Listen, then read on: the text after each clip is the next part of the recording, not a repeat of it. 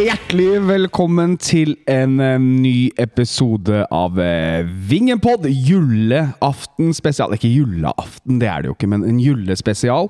Episode 33, eh, 47. Og nå har vi faktisk flytta oss inn i et studio som heter MFK-brakka. Koronaen blomstrer opp som aldri før, og vi trekker sammen. Men vi har jo testa oss. Kristian, din var negativ, var den ikke det? Ja, for en gangs skyld er det en positiv sak å være negativ. Så må du huske på det, for nå har vi jo fått nytt utstyr her, som fra den spleisen jeg og Jan Erik, eh, eller Jan Erik og jeg heter det vel, starta på den Vingen-pod-gruppa for en stund siden. Så nå må du huske å snakke inn i mikrofonen, Kristian. Nå sitter du ikke hjemme på gutterommet i Ski, vet du. Ok. Og Marius, hei. God dag. Koselig å se deg. Jo, likeså. Vi har jo vært i hver vår kort, så vi har ikke fått sett hverandre på lenge. Det er, eh, er det deilig å få litt ungefri og kjerringfri òg? Det er helt nydelig. Mm. Jan Erik, Ja. det, vi starta dette på øh, denne podkastgreiene med en diktafon Det stemmer. på vei til Brattvåg.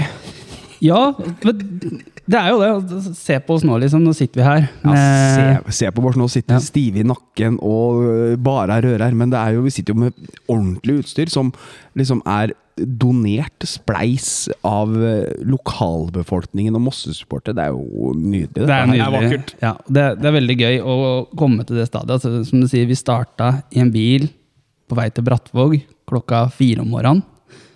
Og nå sitter vi her. Um, og liksom vi har liksom kjørt Zoom i et år. Og nå sitter vi her med fire mikrofoner, en mikser Og headset. og headset. ja. Det er jo Men vi har jo også skjønt det at uh, MFK-brakka var kanskje litt stort studio. For uh, det er litt klang. Uh, så dere gutter, du må snakke inn. Inn ha mikrofon i munnen! men det blir klang for det, altså. Så, men det, da har vi i hvert fall begynt med et livestudio, så da kan vi jo egentlig bare starte julespesial. Og Ja, og så tenker jeg Før vi hopper videre, så vil jeg bare si en ting. Og det blir jo litt spennende da, når vi, skal, når vi går ut i det her med det, dette settet her og dette utstyret vi bruker her nå, så kan det jo bli litt sånn barnefeil og sånt underveis. Så det blir jo det blir en lærings, eh, læringskurve for oss også. Det er godt ikke jeg skal redigere. Men eh, ja, men Hjelm, hva står videre på agendaen i introen vår her? At vi skal gratulere gutta på øya med opprykket. 13 av 13, 15 av 15 hvis du tar med kvalikene. Sterk prestasjon, gutter. Ja, det er imponerende. Alt annet enn imponerende. Tenk det, at, at den vant 13 av 13 kamper, og ennå så holdt det ikke det opprykk. Det er sykt. Men det har NFF lagt opp til sjøl. S- sende opp søppellag. Marius, hva tenker du om det? Jeg er helt enig. Det er jo det er eh, politikk. Eh, lobbyvirksomhet. Og jeg mener at det er et signal til alle klubber eh, rundt om at man må engasjere seg på tinget. Så, altså, det er avgjort på tinget, og det er, jeg vet ikke om Sprint var på det tinget og stemte for eller imot, f.eks. Så, så, det, så det lønner seg å engasjere seg, for å si det sånn. Vi gratulerer Sprint Sprint Jeløy med opprykk til tredjedivisjon, og dermed er uh, standarden satt. Og vi ønsker velkommen til julespesial. Alle damene på Felosen har i Onsdag 8. desember ble det klart. Thomas Myhre er ny hovedtrener i Moss fotballklubb. Signerte en treårskontrakt. Hva tenker vi om det, eh, Marius? Er det riktig? Vi har jo savna kontinuitet. Er det kanskje riktig vei å gå? Ja, det vil jeg si. Altså, han, eh, han leverte jo i høst, da. Eh, oh, så det blir veldig spennende å se mm, nå, fra start, om han klarer å svare på det han har begynt på, da. Eh, det, det er jo det er ikke enkelt å komme inn sånn som han gjorde der, men de grepa han tar eh, på høsten, er jo veldig simpelt eh, som man gjør da, med å strukturere laget, eh, gjøre de enkle grepa for å få raske resultater. Og så blir det jo veldig spennende å se mm, når han skal nå utvikle noe eget spill, da, hvordan eh, det her blir. Ja, Hjelm. Um, føler du, Har Thomas noe å bevise som hovedtrener i Moss fotballklubb, eller eh, er det mer enn nok det som vi så i høst? Må man kanskje begynne å videreutvikle det? Er det det du Ja, jeg er uh, sunt skeptisk, og det handler jo om at han kommer inn uten meritter, uerfaren, uutdanna sådan. Han har uh, en landslagskarriere og en proffkarriere på CV-en. Han har jo ingen trener-CV. Og så mm, var han jo sportssjef, og de leverte overhodet ikke opp til forventninger og målsetninger. Både sportslige resultater, men også mm, hva de sa skulle skje i byen, og entusiasme og sånn. Alle piler peker jo nedover. Og så er det jo statistikk og forskning på eh, hvor lenge en så, et sånt trenerbytte gir effekt. Da. Og timinga hans til å ta over var jo ganske god i forhold til at vi skulle møte publaga. Så du får jo en flying start. Men så var det jo, hadde vi jo en ganske sånn skal vi si, ja, ovenfra-ned-holdning eh, når vi poengterte den ansettelsen av Shaun i utgangspunktet, hvor eh, ja, litt sånn arrogant eh, hvor dumme vi var som ikke For det, det her hadde vært gjort kjempegod research. HR-parametere hadde blitt brukt, og det var knallsignering i Shaun. Og det er jo Ja, det er jo dem sjøl som ansatte, og sparka, og ansatte seg sjøl, så det er jo eh, det, altså det, det, det, det ser jo ikke bra ut utdannet Altså, her ansetter du, her sparker du, og så ansetter du deg sjæl. Men det blei jo som vi sa, i, når vi satt i Studio 2 i, i januar i fjor, vel, så preka vi om at det er sikkert det her som kommer til å skje. Så so far so good. Er det ikke det det dere, Christian? So far so good, eller? Noe i den duren. Ja, Christian. Hva tenker du? Med Thomas Myhre som hovedtrener, Hjelmen er sunt skeptisk. Eh, Det er kanskje også berettiga. Det må være lov å være det når man har sett det som vi har opplevd her siden Eggen ga seg i 2001. da. Så har det jo vært, kan du telle på én hånd, med Jo, jo. jo. ja, Eh, oppturer. ja, eh, ja, hva skal jeg si? Ja, jeg er litt sånn som Hjelm. Sunt skeptisk. Og så tenker jeg litt at hva er, hva er på en måte alternativet? For vi må ha den der gule tråden vi prater om, vi må begynne å bli flinkere på det. Uh, og holde på en plan, og ikke bare skifte ut en haug med spillere uh, og få panikk imellom hver, hver sesong. Så vi må jo også på en måte gi folk tillit i dette her. Men klart, jeg merker jo at jeg er nervøs, det må jeg ærlig innrømme. Så handler det litt om uh, spillelogistikk her òg, som har vært frustrerende. Det har vært mye spillere, mye spillere inn og ut. Og så selvfølgelig må du treffe på noe. Altså Han har brukt et nettverk her som eh, med han Aleksandersson, Alexandersson, f.eks. Han hadde jo, noe hadde jo ikke vi fått tak i, hadde ikke vært for Thomas Myhre. Så sånn sett så er det jo mye som kan brukes der, men nå har jo, eh, har jo vi en breaking news, og det er jo at uh, Fagernesrudbakken har jo signert for eh, Raufoss. Og vi har mista Klemetsrud til Koffa, så det er liksom eh, X-faktorene våre er litt borte nå. Eh, så Myhre har ikke noe har ikke noe lettere oppgave eh, framover. Og så mm, skape entusiasme og forventninger og glede og sånn. Så kanskje Marius er inne på noe med at han rett og slett bryter det helt ned og starter eh, ordentlig på scratch. Fordi vi har hørt det her, vi skal bygge stein for stein mange ganger. Mm. Men vi har jo også fått inn eh, andre mennesker i og rundt eh, klubben. Eh, Blant annet Even Juliussen, som var assistenttrener i fjor, har jo gått til å mer, bli en mer sånn analysesjef i Moss fotballklubb. Være med å bygge opp sikkert rundt sammen med han Tor Anders Brennmo også når det gjelder klubb, klubbkoordinator. Og så har jo han Rocky fra Sarpsborg inn som assistenttrener og spillerutvikler. Var det ikke så, Marius? Jo, stemmer. Du, kona di kjenner til Rocky. Ja, de gikk i samme klassefist. Oi. Og Hauge, er det Hauge det heter på Rollsøy der? Ja, Ja, så det er en ny Rollsøy-gutt inne i brekken der, da. Fy faen, med Branch, vingen, avdeling Rollsøy bare vokser og vokser her nå. Hører du, kan- hører du, Philip? Nå er vi enda flere. Kanskje du kan sitte på med han til kamphjelp? Ja, Kanskje han sitter på med meg? Ja, men eh, det er jo i hvert fall gode, gode skussmål på Rocky. da, i hvert fall Folk sier at det er en bra fyr og en jordnær fyr. og en Gått en god skole, da. Ja. Si sånn. Han har jo vært innom de Han har jo også spilt under Ole Martin i Trosvik. Ja, så det er, og i den og i og med at han skal også være spillerutvikler, han har jobb, det er jo det han har jobba med i Sarpsborg og Fredrikstad. Mm. Eh, så det vil jo en rolle som kler han. Og jeg tror, jeg tror det er litt sånn Moss med den økonomien man har, og man har ikke så mye spillerom, så jeg tror man måte må slå sammen litt roller, ikke sant. Og så, derfor tror jeg det er en, en fin løsning. Så jeg tror ikke han har noen problemer med seniorspillere og være med og coache på seniorspillere. Dessuten tror jeg nok Thomas Myhre tar mye av styringa sjøl. Så Så her kommer han på en måte bare ha en hjelpende hånd i Rocky. da. Men jeg, når jeg hører navnet Rocky, så får jeg litt sånn Han heter, han heter egentlig Rockland. Ok, ja, bedre. Men uh, tror du han er en sånn type som kan lokke til seg spillere som kan heve laget, eller tror du han vil være en trener som kan lokke til seg spillere som er gode for framtida, som vi kan kvitte oss med? Sånn som type Fagernes nå. Jeg tror han kan være god for eh, altså har Vi vi har jo ikke fått låne én en eneste spiller fra Sarpsborg de siste eh, 20 år, alt jeg på å si. Eh, selv om det har vært veldig mange spillere som har vært aktuelle, og, og gått i andre klubber på samme nivå.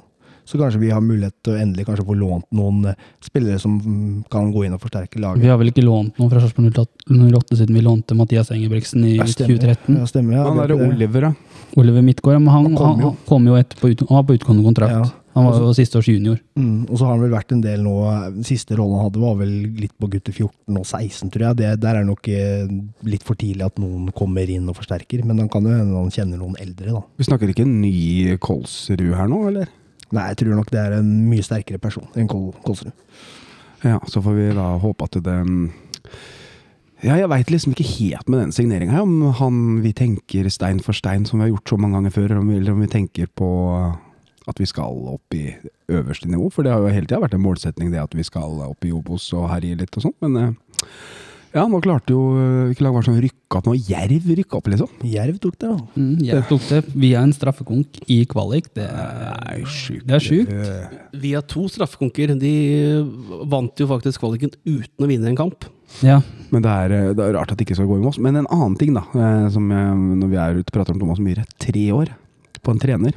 Eh, Det kan, det kan bli dyrt om alt går til Ja, vi kjenner ikke til noen klausuler her. Men altså, Sean hadde tydeligvis en klausul at hun kunne sparkes hvis du ikke leverte, men eh, med, tror vi nå Thomas Myhre bør jo bruke det nettverket sitt, for nå forsvinner den sportslige lederstillinga, som jeg har forstått.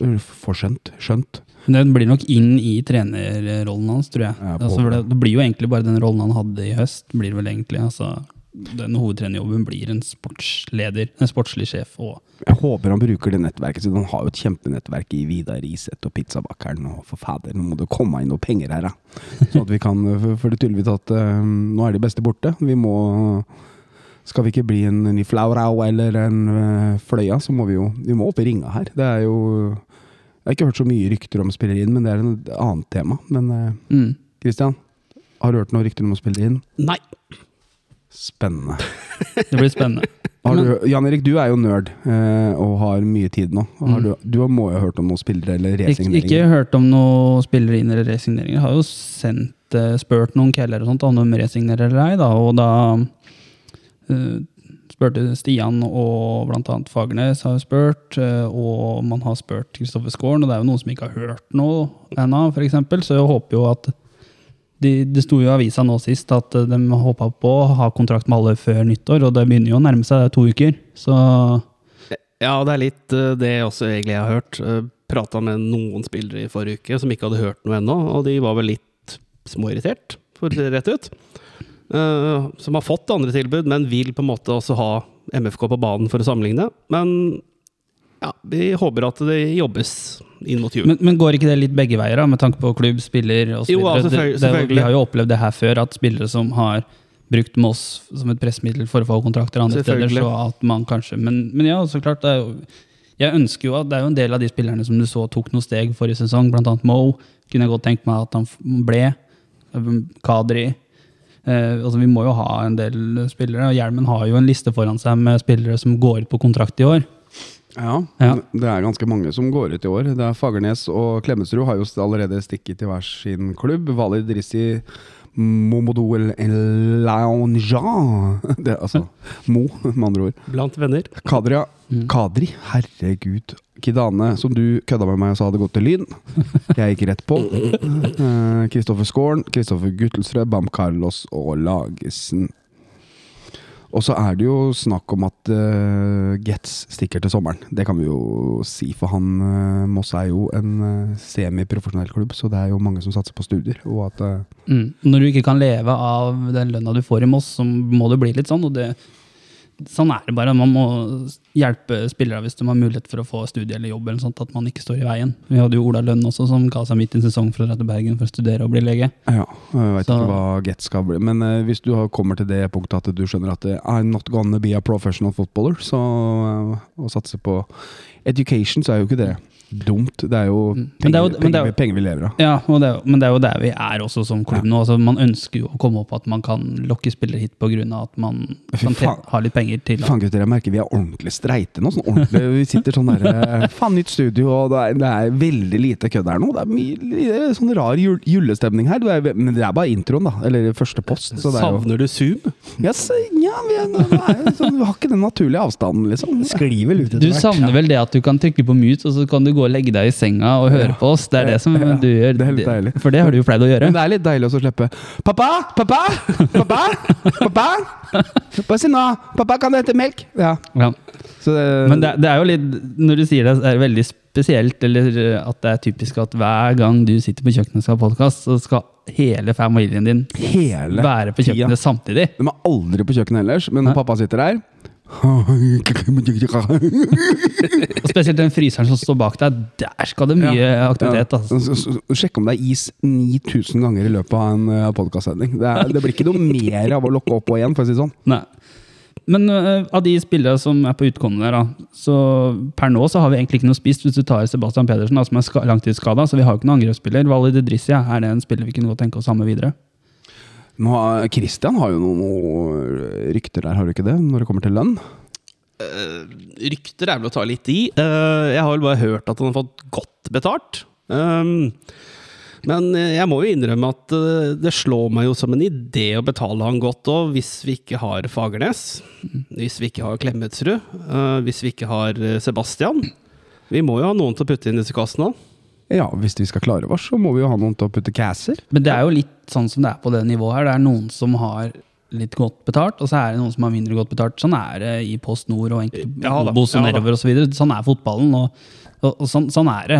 Det må du bare akseptere, liksom. Men Moss har jo en uttalt policy om at det skal være et tak og sånn, så det er jo Men eh, vi veit jo ikke hvor mye det er Ja, og da kan det jo være liksom, hvis man, Når man får høre ting, at eh, noen har det og det og det, men så får man høre et annet, så jeg tenker jeg heller bedre å si at ja, men sånn er det. Altså, det er noen som er fulltidsprofesjonelle, og så er det noen som er deltid. Marius?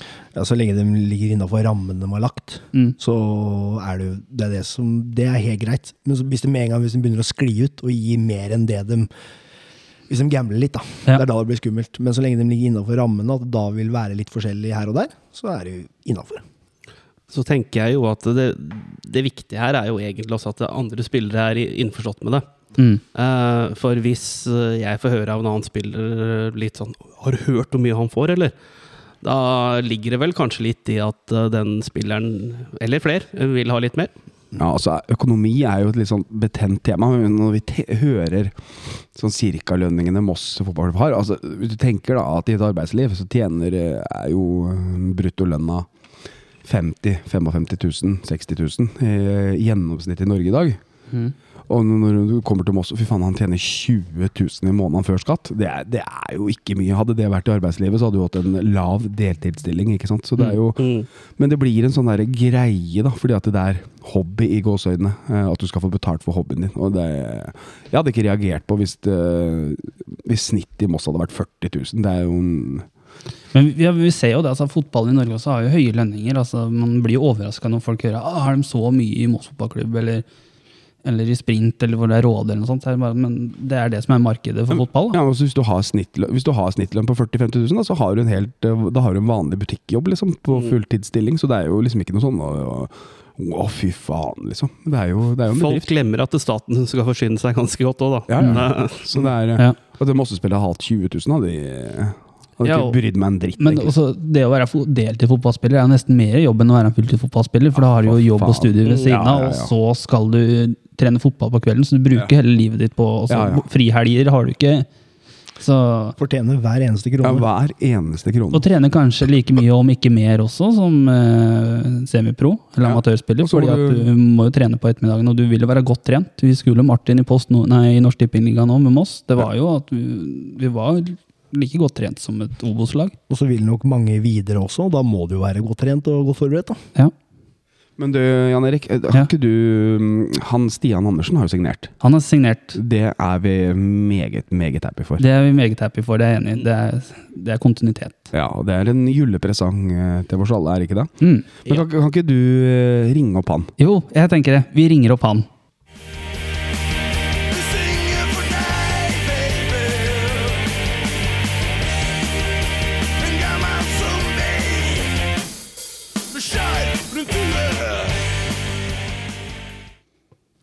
Hei, hei, Stian. Hei sann. Forstyrrer vi midt i håndballkampen? Ja, nå er det eh, håndballfinalen på PC-en og Tottenham-Liverpool på TV-en. Men eh, kan gjøre tre ting på en gang, jeg. Ja, men det er bra. Faen, det er håndballfinale, da! Følger ikke med på det, vi. Nei. Ja, det blei eh, to nye år i Moss, Stian. Er du fornøyd med det? Ja da, det ble det. Jeg er veldig fornøyd med det. Eh, først og fremst så er det jo stas å få fornya tillit, da. I form av en toårskontrakt. Og så trives jeg jo kjempegodt i Moss. Og gleder meg jo til hver eneste trening, så dette er veldig gøy. Nå blir jo du eh, kontinuitetsbæreren her, du. For nå stakk jo eh, Fangernes har vært mye skada, han òg, men han også signerte. Men hva gjør det med spillergruppa når ja, to eta, vi kan, kan jo kalle det etablerte spillere som eh, Klemetsrud og Fagernes eh, stikker. Hva, hvordan skal du ta den rollen som sjefen sjøl? Nei, det Jeg føler jo at eh, jeg har blitt litt vant til det allerede. Og så har vi jo vært en veldig god gruppe, og håper også at uh, gruppa til neste år uh, blir også veldig god.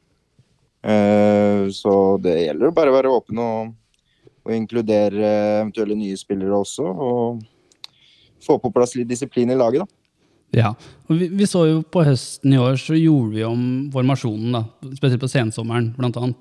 Så vi, gikk vi jo fra den 4-3-3-emisjonen og så blei det etter hvert uh, mer sånn 4-2-3-1, 3-5-2-ish. Har du fått noen indikasjon på hvilken formasjon dere kanskje skal gå for neste år? Jeg veit jo at eh, ønsket er jo å ha veldig høye bekker. Eh, og da enten med en, uh, en trebekslinje, eh, men eh, også med kun to midtstopper også, da.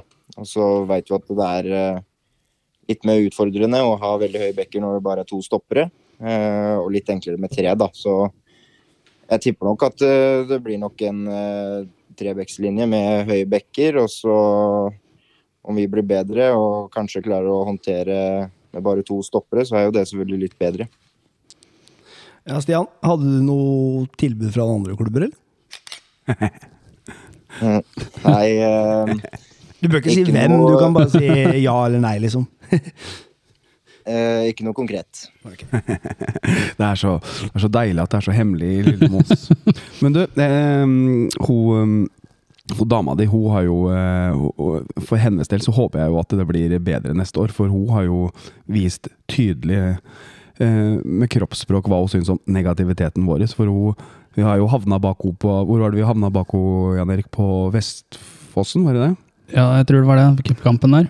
Ja, og da var vi eh, fryktelig eh, negative, og da eh, fikk vi blikket. Eh, har du trua på at det eh, Sånn som det er nå, hvordan ser det ut akkurat nå? Eh, tror du at eh, dere kan stoppe kjeften min eh, og negativiteten min eh, neste år? Sånn som det er nå. Er du positiv? Jeg er veldig positiv eh, uansett. Selvfølgelig er det vanskelig eh, å si per eh, nå. Det er jo veldig lenge til sesongstart. Men det må jo være et mål, i det, da. Ja, for jeg orker ikke mer av det blikket, for det var, det var skummelt, altså. Det er, får du ofte det blikket? Hun har uh, følelser utpå kroppen, så det er veldig lett å se hva hun uh, mener. Ja, det er liksom sånn Hvorfor drar dere på kamp, egentlig, hvis dere bare skal slenge dritt allikevel? Den, eh, det blikket har jeg fått ganske mange ganger. Ikke bare av henne, men sånn eh, generelt. Når, for, i, I år så syns jeg det er Eller to åra som har vært nå, syns jeg har vært tøft å være Mosse-supporter. Men det er imponerende hvordan dere klarer å stenge det ute, da. Eh, har det vært å være Mosse-spiller når, når det er liksom litt sånn motbakke, sånn som det var, har vært tidvis i år, når dere har spilt inn videoer at vi skal rykke opp og gud hjelpe meg, vi skal til Champions League og vi skal slå Juventus, og så, har det ikke gått helt sånn på skinner. Åssen er det å være toppidrettsutøver da? Nei, selvfølgelig så har det jo vært eh, tunge perioder eh, i den sesongen vi har gjennomført nå. Men eh, det er jo en del av jobben da, å klare å holde hodet kaldt og, og bare tenke prestasjoner, egentlig. Ja, og, men når du signerte en ny kontrakt nå, Stian, så sa du annet at du har fått en tilhørighet til klubben og byen. Hva legger du egentlig i det? Nei, Det jeg legger i det, er at jeg egentlig føler meg mer og mer hjemme på Meløs og i Moss generelt. Og så handler det om alle de gode relasjonene jeg har fått da, eh, gjennom de tre sesongene her. Både med tanke på dere som supportere, men også tilskuerne og ja, eldres og yngres og folk rundt klubben også, da. For du er egentlig fra Larvik, er du ikke det? Jeg er fra Larvik, ja. Ja, for det, det gikk ikke så bra med Fram. Åssen har Vi sto og prata Jeg var mor og far. Vi sto og prata om, eh, om Fram Larvik for ikke så lenge siden utafor. Hvordan, eh, hvordan tar familien Andersen eh, at det Fram har gått til helvete? Går det greit? Det går greit med de. Det, det var jo selvfølgelig litt sjokkerende, men uh, heldigvis så klarte vi å holde oss, og det er en liten trøst i det, tror jeg. Og jeg syns det er så deilig at Fram uh, har gått til helvete. Fordi at de har vært så jævlig kuker på diverse sosiale medier. Så det Så, så bare gratulerer til Fram uh, og ikke eksistere. Nei da. Men, men Stian, ehm, eh, du har jo du har jo nå vært her i noen år. eh, og de, det første sesongen din, i 2019, så var det litt av og på. Det var mye skader. Og så fikk du hele 2020-sesongen ødelagt, da. Kan vi jo si. Du røk jo med ti minutter før pause mot Hødd. Så røk du ut med en skade og var ute hele fjorårssesongen. Sjukt å huske, Jan Erik. Ja. Hvordan, hvordan er det å liksom hatt en sesong du har hatt nå, liksom kjent på at ikke, kroppen har respondert bra? Hvordan har, det, hvordan har det føltes? Hvordan har den følelsen vært? Nei, det har vært eh, ekstremt godt at eh, kroppen har spilt eh, på lag i, i år. Og jeg får jo bare mersmak eh, og får lyst til å spille enda mer og, og vise hva jeg er god for, når jeg endelig har fått eh, muligheten til å gjøre det. Mm. For du, du starta jo faktisk det, det året her, da, med tanke på med skadehistorikken din og alt, da, før liksom, sesongen starta, så var du en av de som var uheldig å få covid-19, var det ikke så?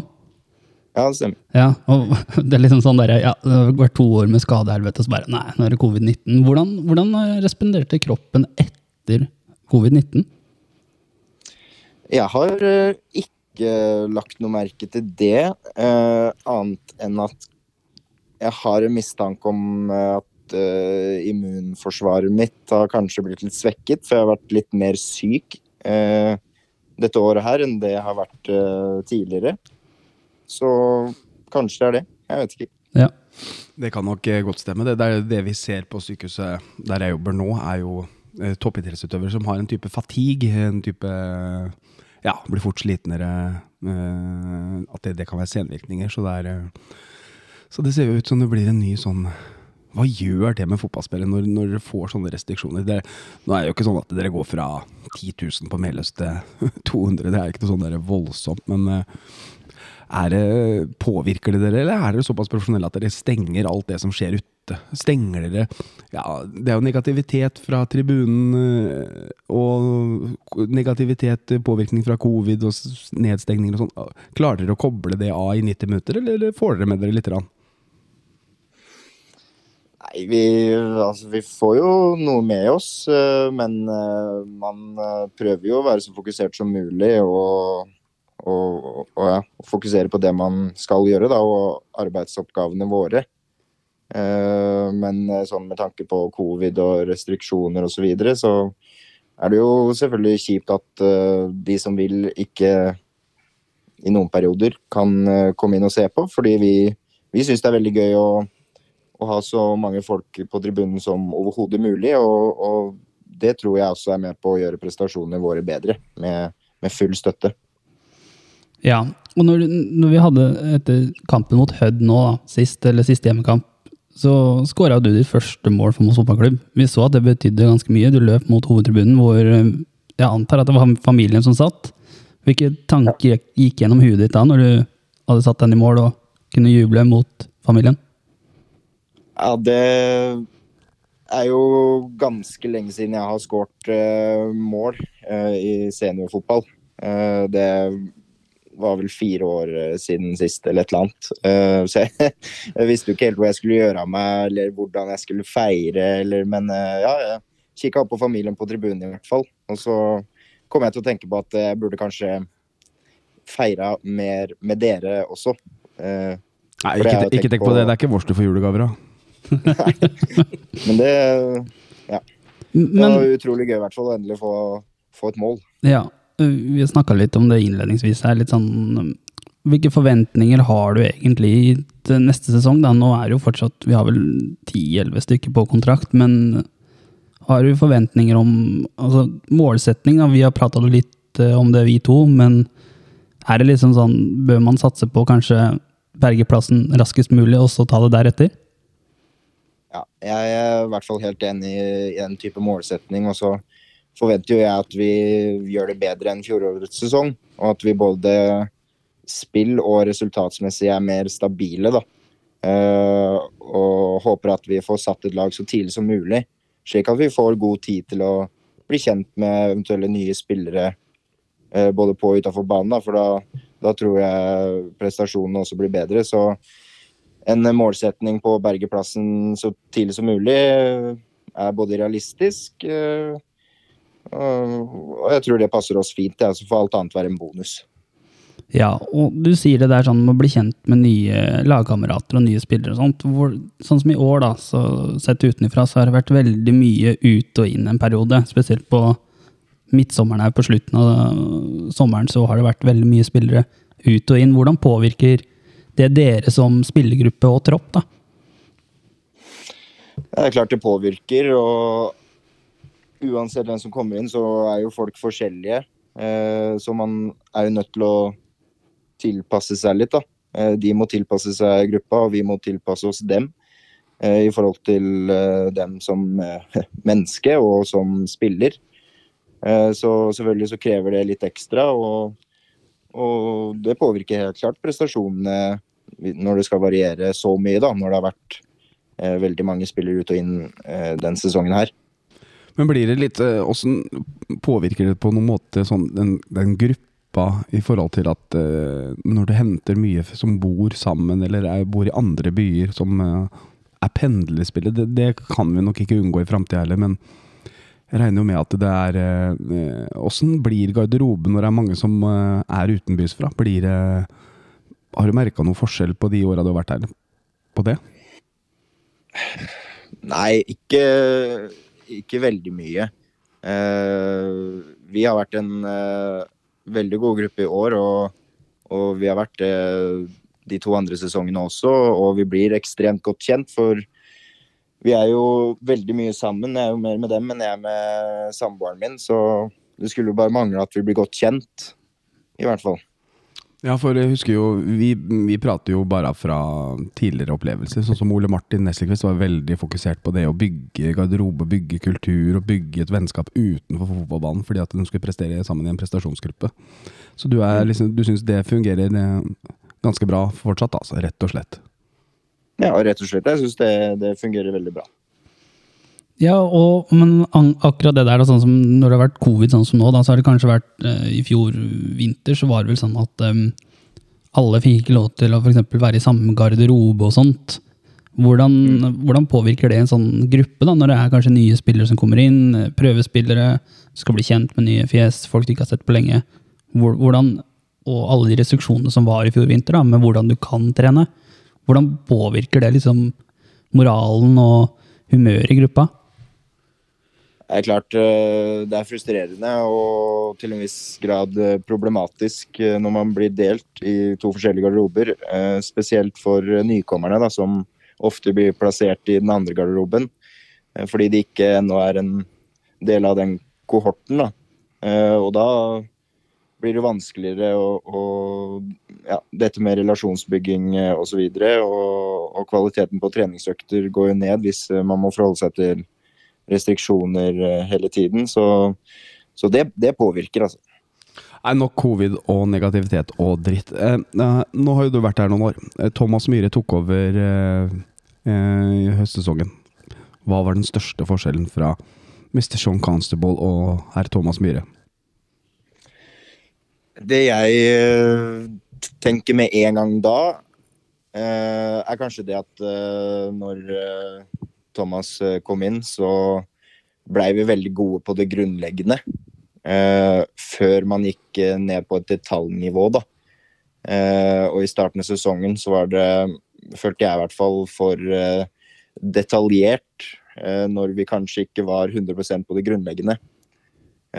Så, så Thomas kom inn med klare og tydelige beskjeder, og ikke minst arbeid, arbeidsoppgaver, som gjorde at vi spillere blei mye mer sikre på hva vi skulle gjøre, da, og, had, og fikk eh, større selvtillit. Eh, Noe som gjorde at vi presterte bedre også.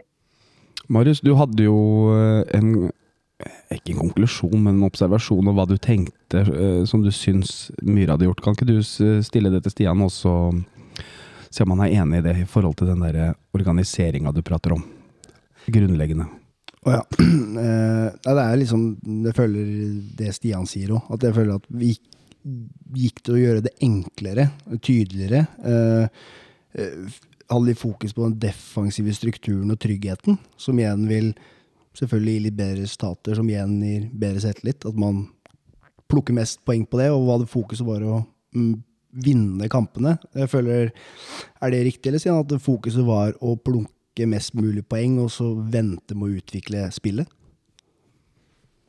Ja, det kan jeg være helt enig i. Og så eh, Den Flaks. defensive strukturen ble jo ekstremt mye bedre. Og så tenkte jo jeg underveis at ja, vi slipper kanskje ikke inn så mange mål, men kommer vi til å skåre mål? Og, og det gjorde vi også. Vi skåra jo mange mål. Vi hadde jo kamper på Melløs hvor vi vant 3-0 og 4-0 og, og så videre. Så, så ja, det, det er jeg enig i.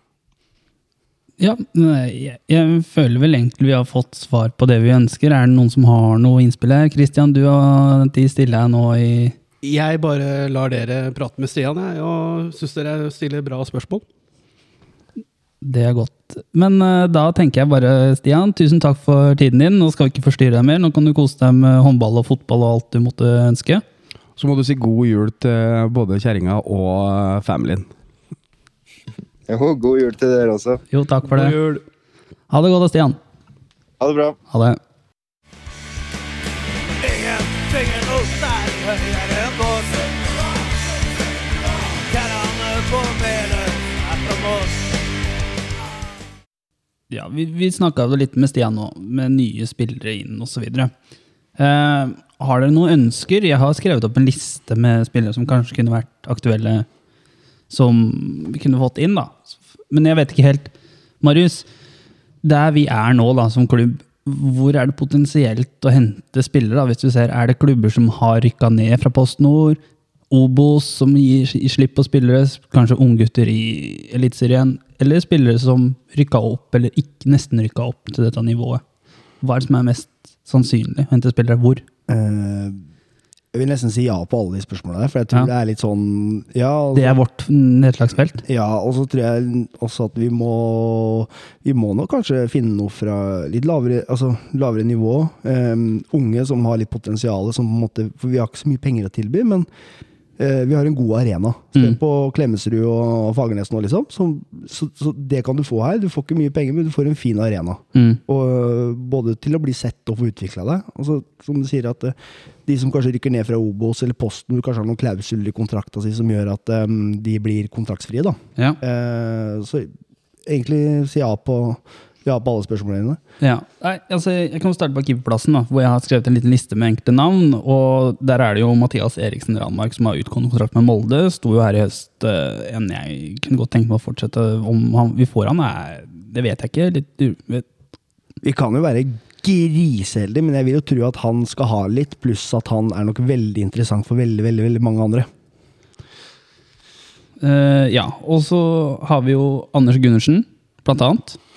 Ja, han, han satt jo en del på benken da, så- sist, så, eller i høst for Skeid, så det er jo mulig han, hvis han har lyst til å Jeg vet ikke hva planene for Skeid er for han. da. Men han, han kom jo på kant med keepertreneren i fjor.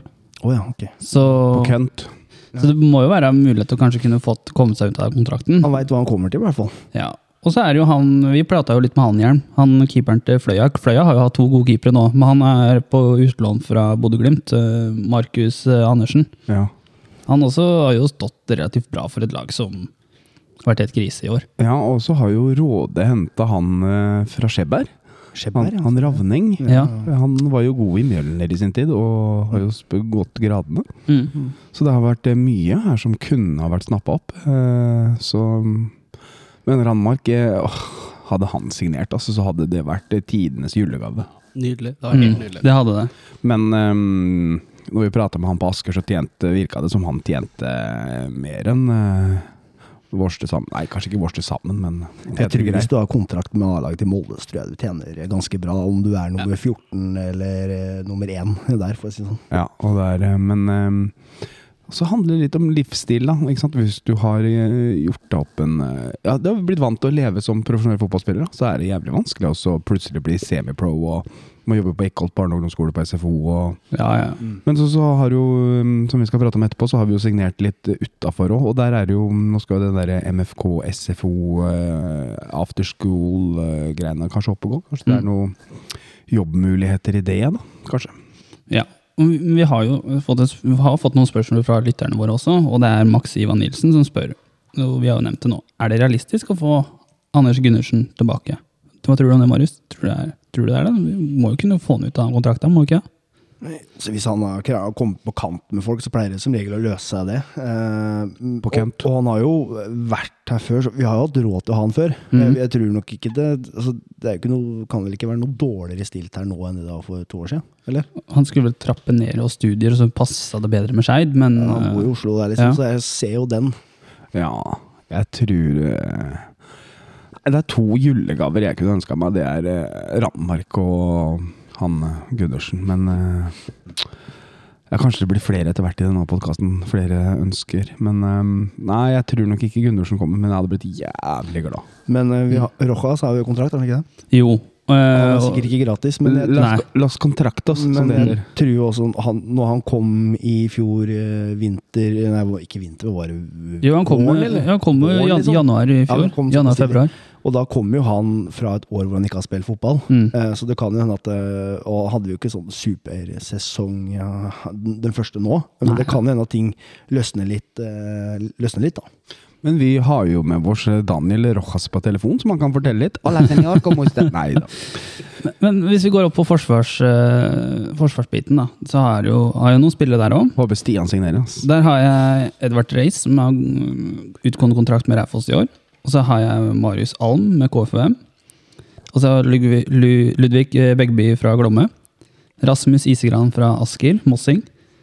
Og så er det Andreas Nyhagen, da, som har eh, på utgående kontrakt med Godset, som ikke får ny kontrakt der. Var jo her på lån med tanke på Get-situasjonen. Og så er det jo Horten-gutten Benjamin Zalo, da, hjelmen.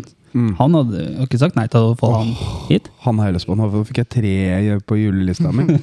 Men han eh, Rasmus Isegran, vet du, skal jeg fortelle en vits? Han eh, Rasmus han er oppkalt etter begge, ah, ja. begge høla til mora si.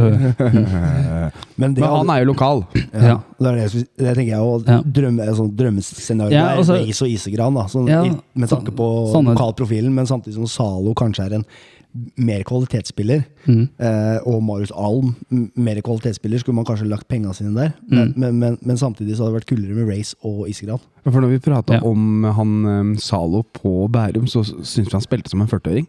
Så googla vi han, så var han jo 12, eller noe sånt. 13, nei, 23 var han, og så har han jo spilt eh, seniorfotball siden 2014. Ja, så han var 15 Ja, i Eagles. yes. Den, eh, Det, det skal jo sies at han var skada. Småskada rundt den matchen. Ja, Men- her, ja. Ja. mm, han Men, men på Bærum så var han jo frisk. Nei, jeg tror han har slitt egentlig hele sesongen. ja. Men de i Bærum var jo vel, De sa jo at han var jo en ledertype, og en veldig karakter og veldig så Det, det så vi her på Han han, han under eh, virkelig Ja, matchen snudde jo når han kom inn til pause her. sånn. ja. Men han, eh, han med høla til mora si, han eh, Isegran Mm. han, Broren hans spiller han, da? Henry. Ja.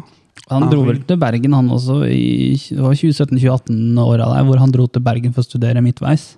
Så han spiller ikke fotball lenger. Det kan godt han spiller på lavere nivå i Bergen, sånn tredje-fjerde divisjon, men jeg har ikke helt uh, fulgt med på hvor han er. Men åssen går det med Ola Lønn og medisinstudiene, tror du? Uh, Blir han lege, eller? Han, eh, han, han, Ringer neste gang. Ja, han spilte jo i Fyllingsdalen sist gang jeg sjekka. han er god, ass. Er det, er det Fyllingsdalen? Er det der Hipp Tran er trener? Hvor er Hipp Tran? Han er vel uh, spillerutvikler, tror jeg, i uh, Åsane nå. Ja, jeg husker ikke, Det ble en twist der, for han var jo klar for Sotra, egentlig. og så Han gikk vel fra Åsane til Sotra, og så ga han seg der før sesongen Ja. begynte. eller noe sånt. Jeg tror han er i Åsane nå. ja. Ja, for han er jo, han er jo fra Rosén. Mm. Han har jeg spilt fotball sammen med. Han er like gammel som meg. Han, Han har jo spilt fotball her ute òg, han. eh, rart at han aldri har vært på agendaen, egentlig. Eller er det Kanskje rart? han har etablert seg der borte, jeg vet ikke. Ja, gjort bergensere av seg, tror jeg. Ja. Ja. Men uh, hvis vi beveger oss over på midtbanen, da, så har jeg noen navn. Det er Sander Birkeland i Strømmen. Og så er det Simon Hestnes i Skeiv. Han er skigutt. Det er jo lillebroren til Christian. Josef uh, Chaib i Strømmen. Han Kaib. Kaib, ja. Og så har vi han i Glomme, han Alexander Tveter. Solakis. Solakis. Og så er det Noah Aleksandersson og Adrian Justiniussen. Men eh, bare en liten sånn eh, Trekker jeg eh, bare lite på bakre rekker igjen. Ja. Og, eh, Vi har jo sett at strømmen eh, rakner jo nå. Ja. Eh, mister mye spillere. Så det er litt, der har vi også han eh, Follo-gutten. Eh, Mm. broren til søstera si. Han Simen Olafsen. Mm. Og Hvem er søstera? eh, hun snowboardkjøreren. Helene. Helene. Å ja. Så han er jo ski, spilt i Follo og er skigutt. Snowboardgutt, da. det også kan jo være, hvis alle ser ut som alle ryker kontrakta si i strømmen, så er jo det en At det, det er til Strømmen vi skal hente spillere? Det er vi skal spille. Ja. Alle. Ja, og så hvis vi henter han Ol Ol Olafsen, så kan vi begynne å synge de da, jo, jo, jodli, jodli. Det vil For eksempel. Ja, ja, ja. Da har vi låta klar. Nei, gå over til midtbanen igjen, Henrik. Ja. Han har jo tatt midtbanen, det er du som dro tilbake. Ja, det er derfor jeg setter over igjen. Men Christian, midtbanen. midtbanen her. Her var det et navn du bemerka deg. He- Hestnes, ja. Ja, også, men hva med Adrian eh, Justiniussen? Han er vel kanskje mer offensiv type enn en midtbanespiller, da, men, ja men han, kjenner du til. Han tror jeg ikke vi sånn sett har råd til, for han må jo være Han spiller på Færøyene. Jo, men øh, du, du, han må da ha heltidsproff for å få over, tror jeg. Spiller på Færøyene. Ja, men han tjener godt på Færøyene, sammenligna med om man skulle flytte hit for å få ta det. Det er fiskeriene pumper Yes. inn penger. Han kan jobbe for fiskebutikken nede i kanalen. Ja, ja, men Kan bruke eh, kunnskapen sin der, og så kan han slå noe frispark her. Christian, Det er, ikke min, det er ikke min feil, dette her, men, men en fantastisk frispark. Fy faen, for en og en er, veldig god uh, spiller fremover, men med en del mangler eh, defensivt. Det Ja, jeg det, det er jo, jeg vil jo si at hvis du skulle brukt han, så måtte du brukt han i den rollen vi har brukt Noah, f.eks. ja, ja. der er jeg enig. Det er jeg enig. Eller kanskje altså, en, en av to spisser også hadde vært uh, Stokkebø. Hengende spiss eventuelt. For. Og Stokkebø, når du nevner det, så har han signert ny kontrakt med Sprint, og så er det kanskje litt sånn us... Også ødelegge for Sprint, da. Det blir jo litt det òg. Men nå har jo han signert ny kontrakt der. Ja. Men mm. jeg syns Sulakis hadde vært veldig spennende. Det er nok eh, de Kanskje ja, drar på seg mye kort, er litt, eh, litt ivrig. Eh, men jeg tror- Greker? Eh, ja, det er vel høres veldig Norsk greker? Ja. Så det Det er litt armer og bein-type. Ja, det er det. Men absolutt en veldig spennende spiller. Og han var, vel, han var jo på utlån i våres til Levanger, og Mm. jeg tror vel han var blant de beste der. Ja, han ja. Levanger, topplag i Ja, for han gikk vel tilbake Glomme til Fredrikstad tilbake. Fordi at det var bedre treningskultur i Fredrikstad enn Ja, var i Levanger. så vil han hjem. Ja. Så det er ikke så langt til Moss, så han kan Nei. bo hjemme. Og så kan du jo ha deltidsjobb på Campino. Men Hjelm, Josef Kaib, Ja.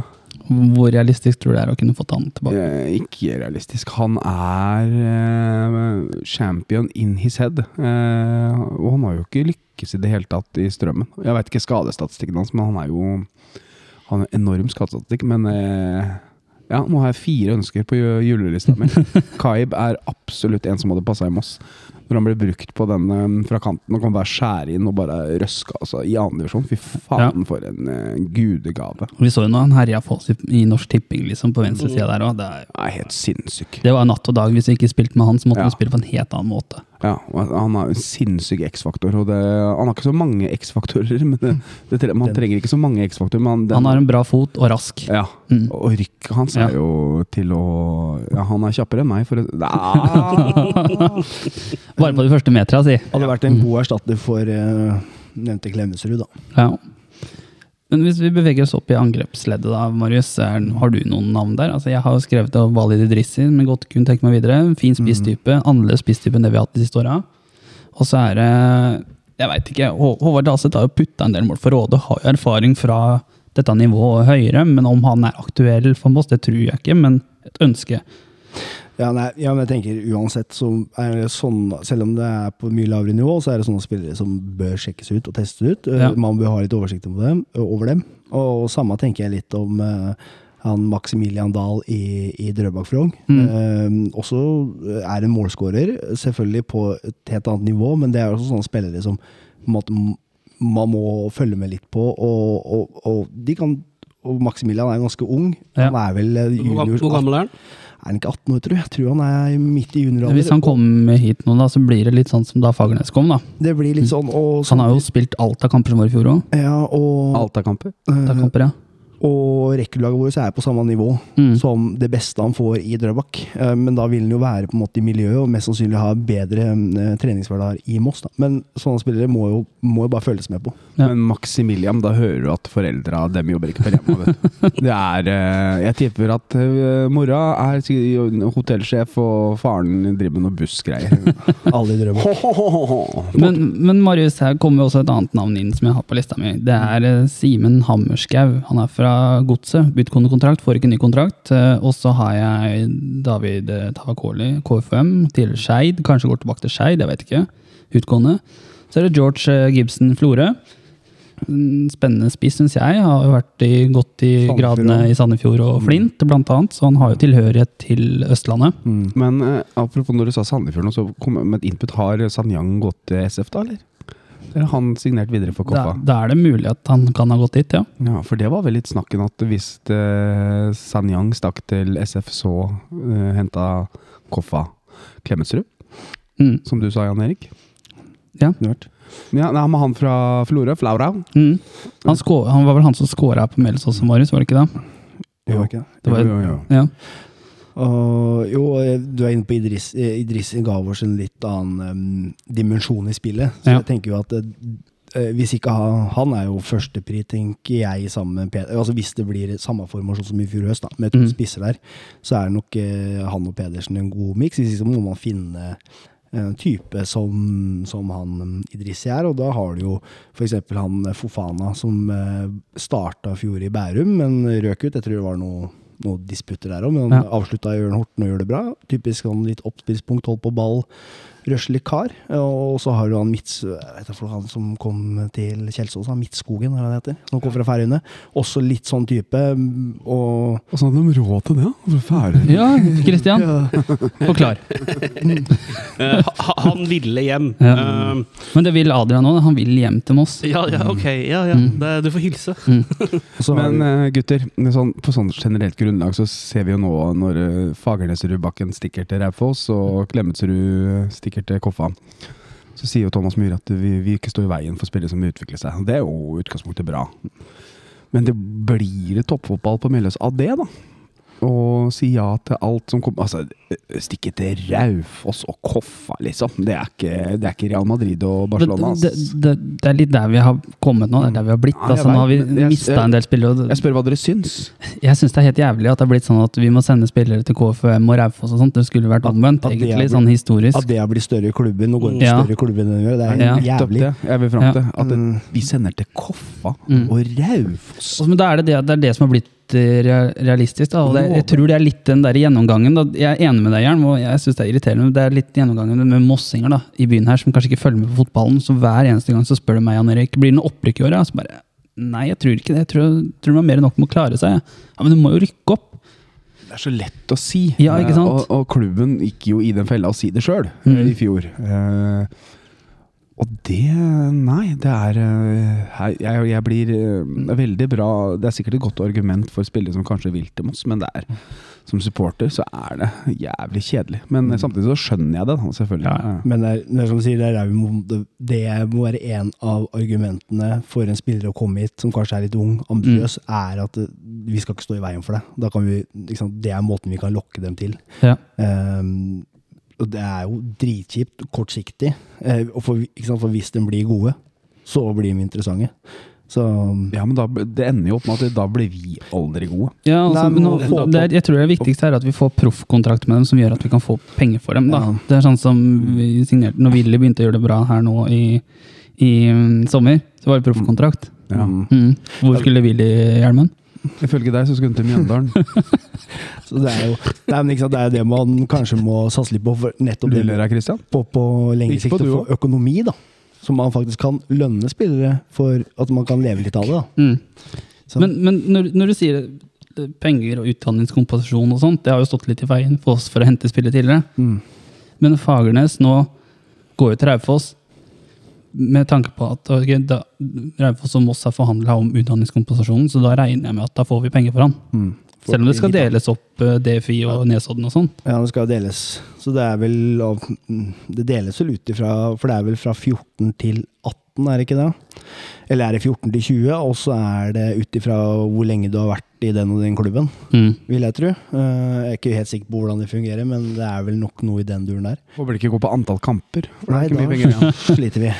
Antall mål det går greit. Han har Ja, det går- grei målstatistikk på de kampene han har hatt. Så jeg skjønner at han er interessant for andre klubber. Ja. Men øh, når vi prater om Fagernes og Rubakken, er det ikke litt sånn uh, det er, ikke, er ikke risky sport der Raufoss å hente en kæl som har uh, hoftedysplasi og Jeg vet ikke, men Hvis du ser på han som en utfordrer Han er bare 20 år, da, husk på det. Uh, Han er liksom ikke 25, men at han, om han blir sett på som førstevalg eller som en type utfordrer da, til de angrepsspillerne de allerede har Had- Jeg, jeg så Han for har meg signert at tre år der oppe, Ja. så det er jo tydelig at de ønsker å satse på. Hadde, hadde jeg vært Raufoss-supporter, så hadde jeg vært skeptisk. Ja. eh, Med tanke på den historikken som har vært og sånn. Mm. Eh, hvis man bare ser liksom overflaten. Eh, men samtidig, hvis han holder seg nå skadefri, som man forhåpentligvis gjør, da, så kommer vi til å få mye igjen for den. Så det er veldig tøft gjort av Raufoss å faktisk eh, satse på det her.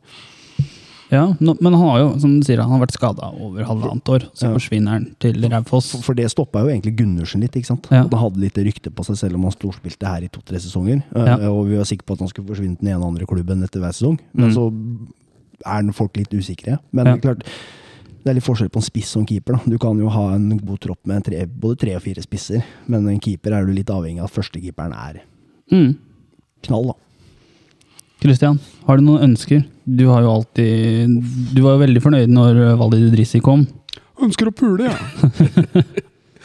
Og det, det, det var min juleliste, ja. Eh, riktig. Eh, Nei, vet du hva, vi må jo forsterke, og jeg tenker vel at vi må forsterke alle ledd. Mm. Så enkelt er det. Så får vi se egentlig hva, hva som dukker opp. Også det, det er jo det evige jævla som er så vanskelig. Også, det, jeg sitter og hører på dere og prater om det. Det er dritt å føle at du bare mister spillere med en gang de blir gode. Og så er jeg litt sånn Ok, vi skal ikke Ah, Det er den der timingen, da. Jeg, jeg syns på en måte det er litt enklere at eh, Klemetsrud går enn eh, Fagernes.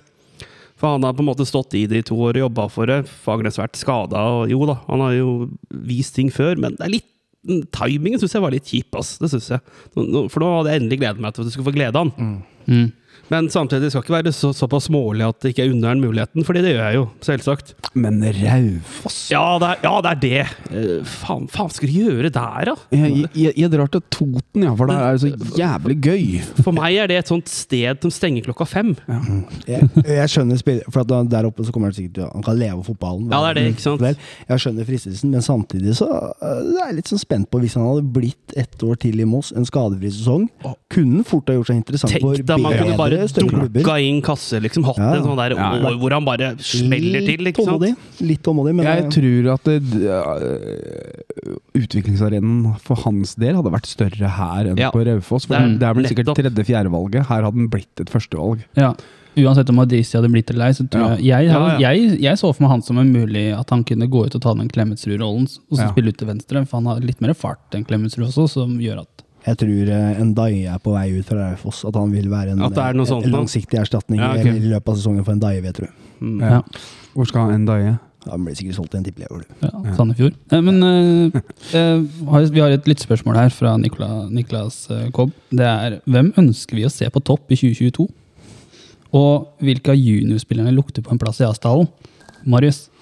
Eh, juniorspillerne kjenner jeg ikke godt eh, godt nok, men eh, på topp eh, altså, Idrissi fikk jo fart på skåring etter hvert. så Etter at Fagernes forsvant, så kan jeg gjerne se for meg Pedersen Idrissi hvis det blir et par. Eh, I angrepsrekka Vi er litt inne på det med å erstatte eh, Klemetsrud eh, så, eh, Jakob Hanstad i Kjelsås.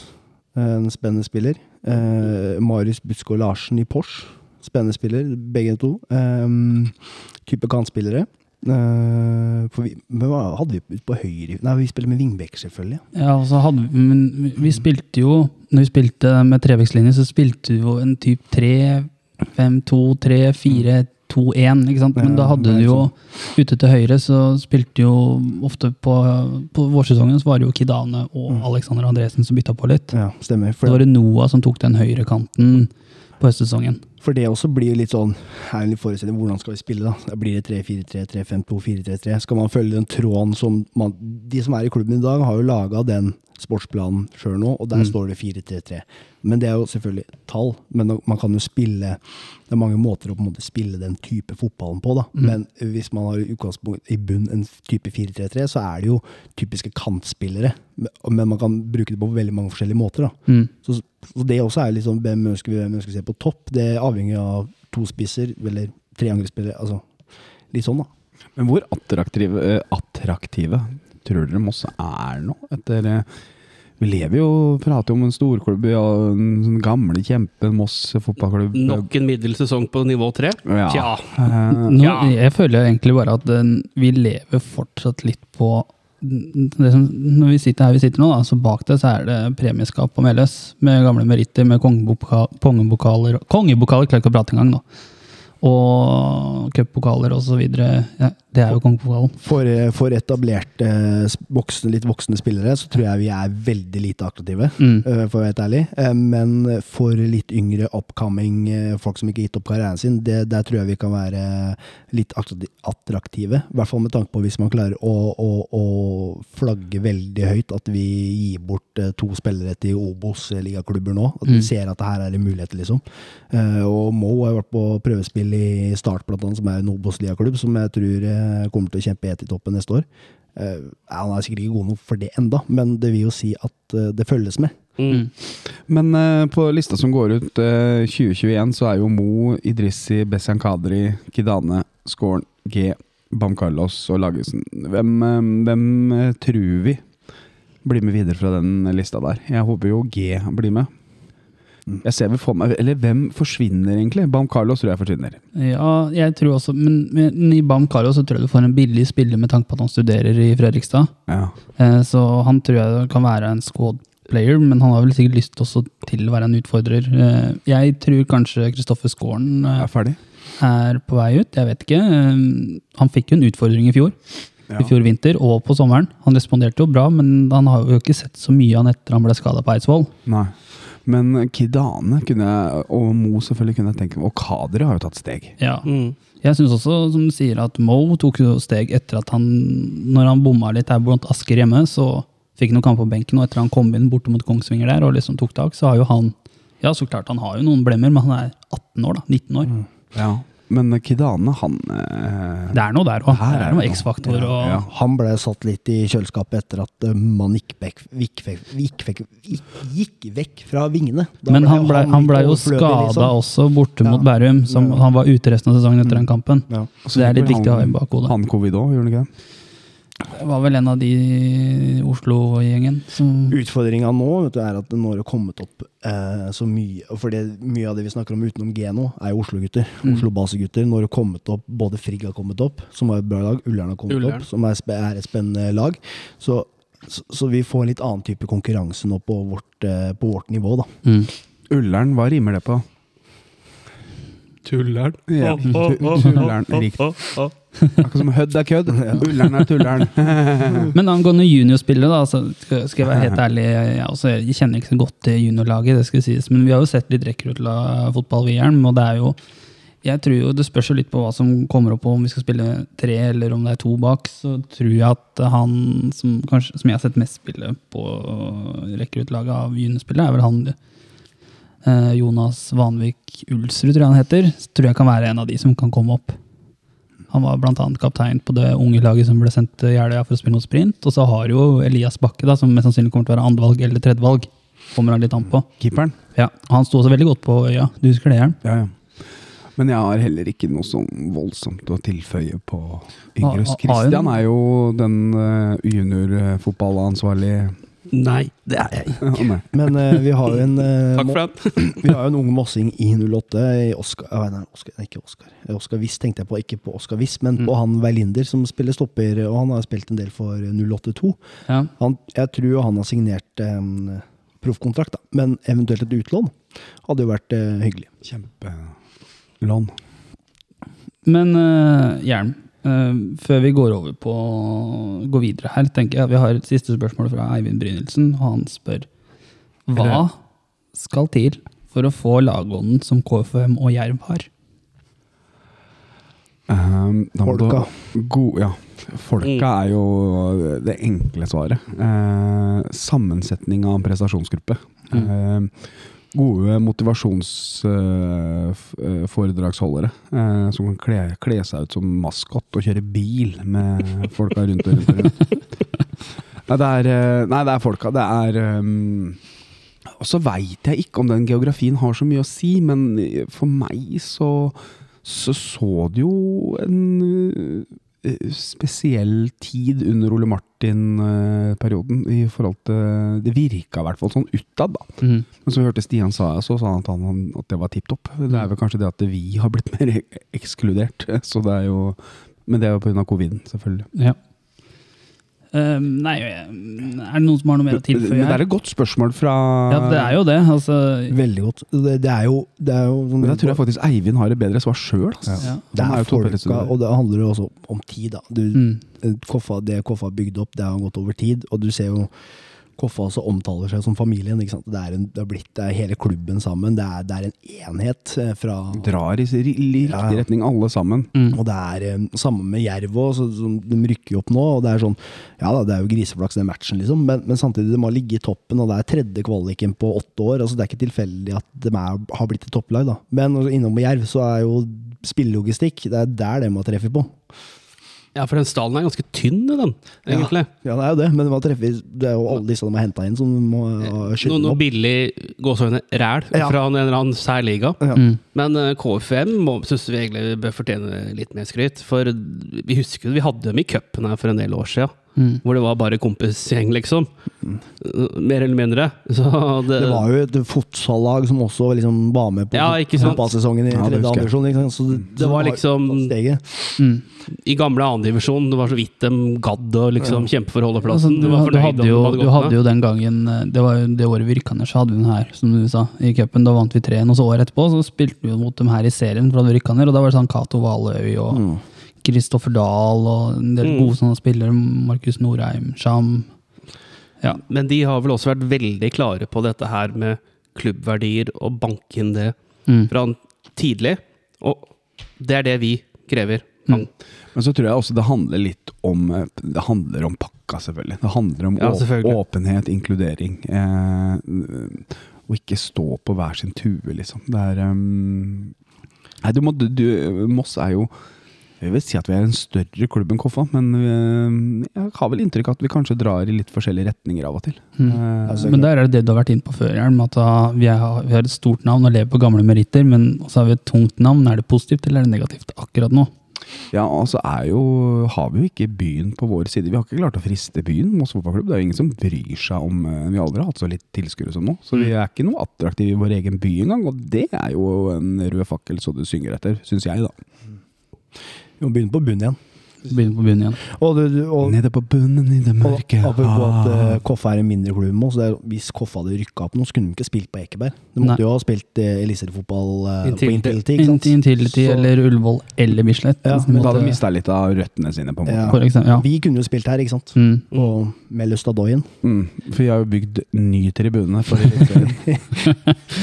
ja, det, er et kapittel for seg sjøl. Men, innom spillere, Jan Erik. Ja. Hvis eh, noen sitter på noe eh, cash, Mm. penger, og vi skal investere i en spilleovergang, så vil jeg anbefale Fredrik Sjøvold fra Tiller. ja. Det er spiller. Men han også ryker vel til noe elite. Ja, for han har vært på prøvespill i Start, Ja, Start og Bodø-Glimt. Det er typisk sånn Bodø-Glimt å ta Ja, nå, da. han Ja. er eh, fryktelig. Og så hadde jeg Men Fredrik Sjøvold, han foreslo jo du for en stund siden. Ja, og hadde jeg hatt eh, penger Kan ikke folk høre på Vingenpod? Altså, vi hadde jo hatt det laget, hadde de hørt på deg. Det er bare- Hvis noen sitter på noe cash, invester proffkontrakt på han i tre år, og så du får igjen eh, det dobbelte i videresalg. Mm. Hørte det, Rune Andersen? Men eh, er det noen som har noe mer å tilføye her, eller skal vi bare hoppe videre i programmet vårt? For nå Nå må vi hoppe videre, for Ja. nå begynner det å bli langt her. Livet det er jævlig, men vi liker oss i Moss. Ja, det var jo her på siste seriekamp, eh, altså nest siste seriekamp for sesongen, siste hjemmekamp for året, hvor det ble klart at han Harald fra Florø valgte å gå til HamKam og ikke Moss. Så man jakter jo fortsatt en ny daglig leder, da, og det er jo en rolle som er den er litt viktig for at vi skal få en klubb til å fungere, er ikke det, Hjelm? Er du ikke enig der? Jo, og så tenker jeg kanskje at det er sunt ja, at de bruker litt tid nå, fordi um, han eh, som han Geir Sattevar som vi har nevnt i en tidligere podkast, så var han her eller Hvis du skulle rangere folk, så var han her i Eliteserien. Og vel så det, så um, Og kanskje de ikke nøyer seg med annen tredjevisjons daglig leder. Hvis du skal bruke, fortsette å bruke rangeringen. kanskje at de sikter mot nivå eliteserie Obos. Marius, har du noe navn på blokka som du kunne godt tenke deg? Ja, jeg spurte Lars Bohin når han var innom jobben. Spurte om han var interessert. Eh, for han har jo vært daglig leder før. Ja. Eh, og for de ønsker vel en, en daglig leder som er, er, kjenner disse fotballmekanismene, og helst på et høyt nivå. Så Mm. der hadde jo Lars Bohin vært eh, Han gjorde det bra i Stabæk, da. Det hadde vært litt kult. Han har jo spilt sammen med meg og òg. Ja, så det, Landslaget? absolutt. Så Så, kult, så har du jo Roar Johansen, da, i, lokal, kjenner Ja. byen. Har vi hatt vært kult. lignende Har jo vært, roller? Kjenner jo fotballen, vært oppe i toppen der. Du har jo han Nå gikk jo han Engebretsen av også, vel? Som, eller slutter i 08. Han eh, Engebretsen, ja. Jeg husker ikke hva han heter. for noe. da. Men han har jo gjort en solid jobb i 08, og vil jo tilhøre regionen, da. I hvert fall. Hvorfor prater du som hun derre Siv Stubbsen? Ja, velkommen til kjærlighet uten grenser. Pål Anders Stubsten, mener du? Ja. Tidligere venstre Marius vil sende hilsen til Marita. Marita. Og ønsker å høre I swear! Jan Erik, du har vel Eller Christian? Nei, Jan Erik, du har vel eh, Hva eh, Ja, hvem eh, Har du noen navn eller tanker om daglig leder? Nei, jeg har egentlig ikke det. Eller hva Eh, bør en daglig leder inneha, egentlig? I et, ja, et sted som, det kan vi spørre Kristian om. Hva bør en daglig leder inneha for å lede en klubb som Moss, i byen Moss? Du som er fra storbyen Ski. Oi, det var ny. Har du bystatus? Ja da, det Ja da. har vi hatt i 20 år. Gratulerer med det. Takk, takk. Uh, nei, dagleder Jeg tenker du må ha en blanding av karakter og kunnskap. Uh, kunnskap med å forstå hva du skal forvalte. Og da går det gjerne på økonomi, som er det der jævla kjedelige, men akk så viktig. Uh, og så er det dette kunnskap med fotball. Og det er der eh, jeg tenker det er forskjell på folk. Eh, da er det forskjell på om du har drivet og solgt kulepenner og eh, Vinskap. alternativt. mm. Men, men det er liksom noe med dette, og så må du ha den der lille gløden, gløden da. Ja. Du, du må, du må Ja. Du, du, du, må, du, du kan ikke bare se for deg en åtte til fire-jobb og stemple ut. Nei, for du må jo vite hva en fotballklubb er. altså Vite ja, litt i hvor- bakgrunnen. og Hvordan og liksom man, Ser man jo f.eks. på HamKam, som han Harald forsvant til, altså har du, du har jo Ben Svele der. Mm. Altså, han kommer jo ikke fra fotball, men han kommer fra idretten. Det er liksom, Ja. De mekanismene Ja, er jo ja, det kan, sant? Så du må ha kan hende en fyr fra håndball er like bra, for den saks skyld. Svele er han som var med på det derre familieprogrammet. Ja, han håndballkommentator. Ja, som og eh, spilleren. hadde med seg dattera si og sånn familiens ære og sånt, Ja. Ja, kan nok stemme, det. Ja, og og det du sier der, er nok ganske viktig. og Jeg tror også at den, den rollen i Moss fotballklubb vil bli såpass viktig på med tanke på at den må jo den må jo kjøre markedsføringa, de må jo Mm. kjøre alt av økonomi, lønn osv., pluss at den skal ha litt greie på hva som skjer eh, på fotballbanen. da. Så, Så produktplassering. Altså det det, Ja. ja, Og om, om du, bjude på seg selv. Mm. på ja, det handler jo om uh, om du skal selge kulepenner, eller om du skal selge merkevaren Moss fotballklubb. ikke sant? Og du, du skal jo kunne selge en kulepenn til en sponsor uh, og si at det her er verdens beste kulepenn. Og da skal du også selge at dette her er verdens beste fotballklubb med verdens beste supportere. Ja, og, og, men, men en ting som jeg kanskje ikke helt orker, er hvis det kommer en sånn Det er jo en karakter, da, men hvis det kommer en fyr som Mini Jacobsen plutselig blir dagleder i Moss, liksom. Det er, Bernt Hulsker. ja. Dette er Bernt Hulsker. Oh, de Jo, jo, jo, jo nei, men, Ja. nei, men det er jo i og for seg en eh, artig sammenligning. For vil vi ha en, sånn, et navn? Eller vil vi ha en arbeider? Mm. Det, er, det er det, da. Eh, ja, altså, vi- som vi var inne på, vi var inne på Roar Nå kommer jeg på Espen Ingebretsen, heter han. Ikke sant? Det, er jo, det er jo kjente navn her i Viken. Eh, Østfold, holdt jeg på å si. Og er nok dyktige mennesker. Men de vil jo ikke skape noen overskrifter utafor region. Men tenk, tenk deg eh, Tenk deg en type Rino Tue som daglig leder. Det var veldig moro. Det Hva var, mener du nå? han har lik sveis som Rino Tue, da, men uh, Joakim Jonsson Ja. det er, jeg, ja, vet jeg, du hva? Jeg vet at veldig mange har, men jeg må bare si at eh, den fyren der hadde jeg tatt imot med åpne armer. Amen. Virkelig. Ja, fotball er ferskvare. Fotball er ferskvare, men altså han, der får du Ja. inn den der spillelogistikken i Mm. tillegg til det administrative, da. Helt og, og karakteren og liksom det og, Han hadde piska opp stemninga, han, for å si det sånn. ja, og du Ja, kan ja. fint kombinere den jobben du har i Discovery, Mm. med å være daglig For det, krasjer jo ja, ikke. ja, i andre divisjon, ja. Ja. Og da får han jo fotball på heltid også, for det er det han ønsker. For han har jo blitt singel, så det går jo hvor bra som helst. Ja, masse tid til over, sikkert. Ja. Men, men vi har jo en annen ting da, som har vært Som vi har etterlyst tidligere. Det er sesongkortsalg før jul, og nå er jo det. Og nå er det jo, selges det jo også fysiske sesongkort, og det er jo positivt. Det, På tilbud òg, vel? På tilbud, ja, er det ikke det? Altså, Det, det, det er 1000 kroner for sesongkortet, og så er det 500 kroner for barn og honnør. Og jeg har hørt rykter om at kanskje billettprisene skal opp på enkeltkamper, så det vil jo lønne seg. Det har jeg også hørt. Sesongkort nå, faktisk. Men, men hva tenker vi om det? Hvis, hvis billettprisen går opp nå, så regner jeg med at da går den ikke opp til 200, den går opp til 150. Det er den det Ja, som det er, ja, det, det, det er nå fi, fi, fire år siden sist gang vi økte prisen.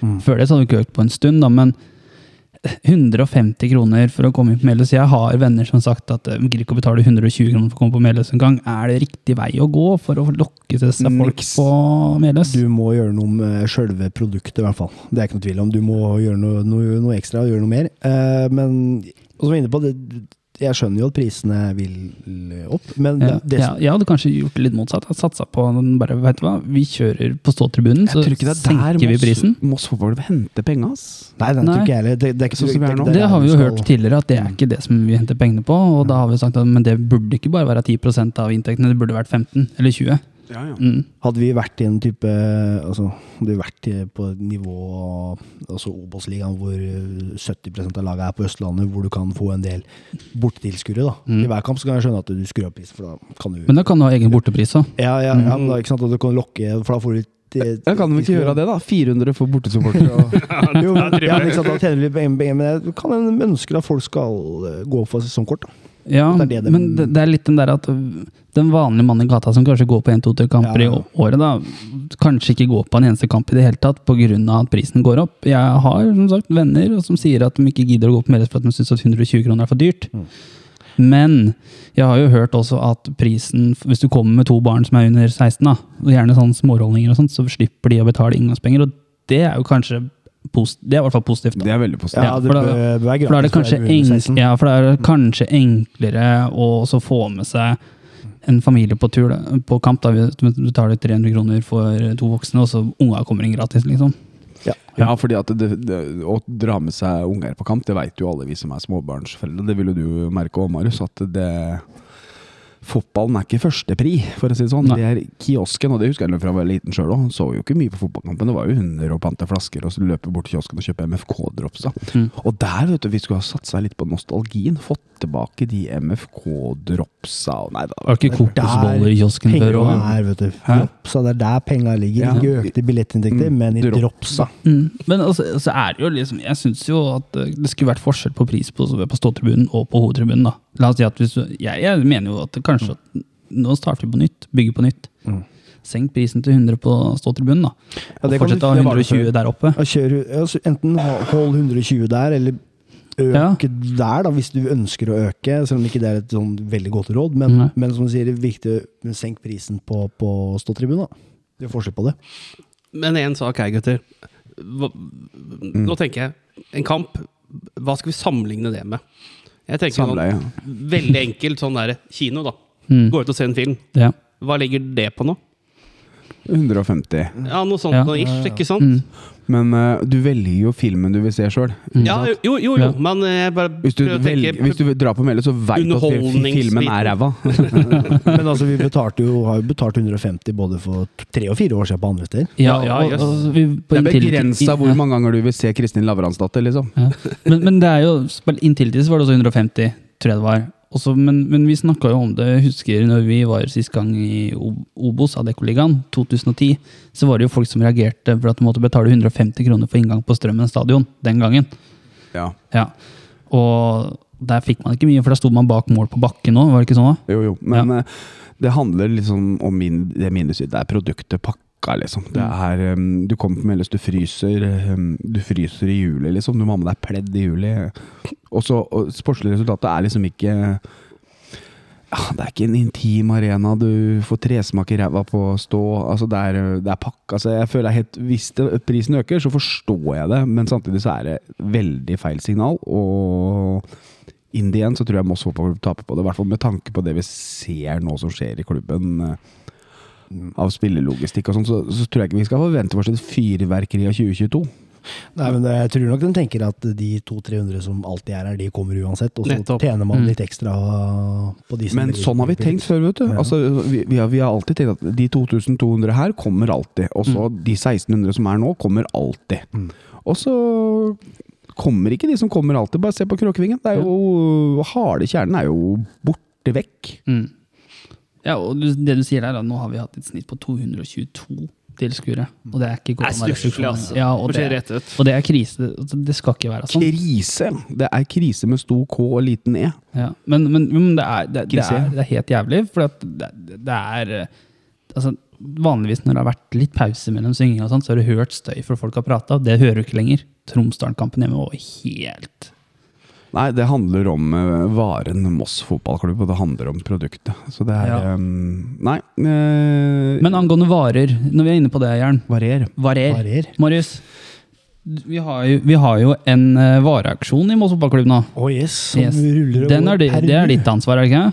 Jo, det falt litt, falt litt på meg, det. det, det jeg fikk jo spørsmålet fra styremedlem og, og min sjef Rune Andersen om jeg kunne tenke meg å ta det. Og, og man hører jo alt når, når, når du spør folk om de kan hjelpe til både i klubb og det som er, så bruker jo alle tidsklemma som et eh, argument for ikke å være med og bidra. Så tenkte jeg når jeg fikk det spørsmålet at uh, ja, jaggu, det skal jeg ta meg tid til. Skal jeg bruke unnskyldninga?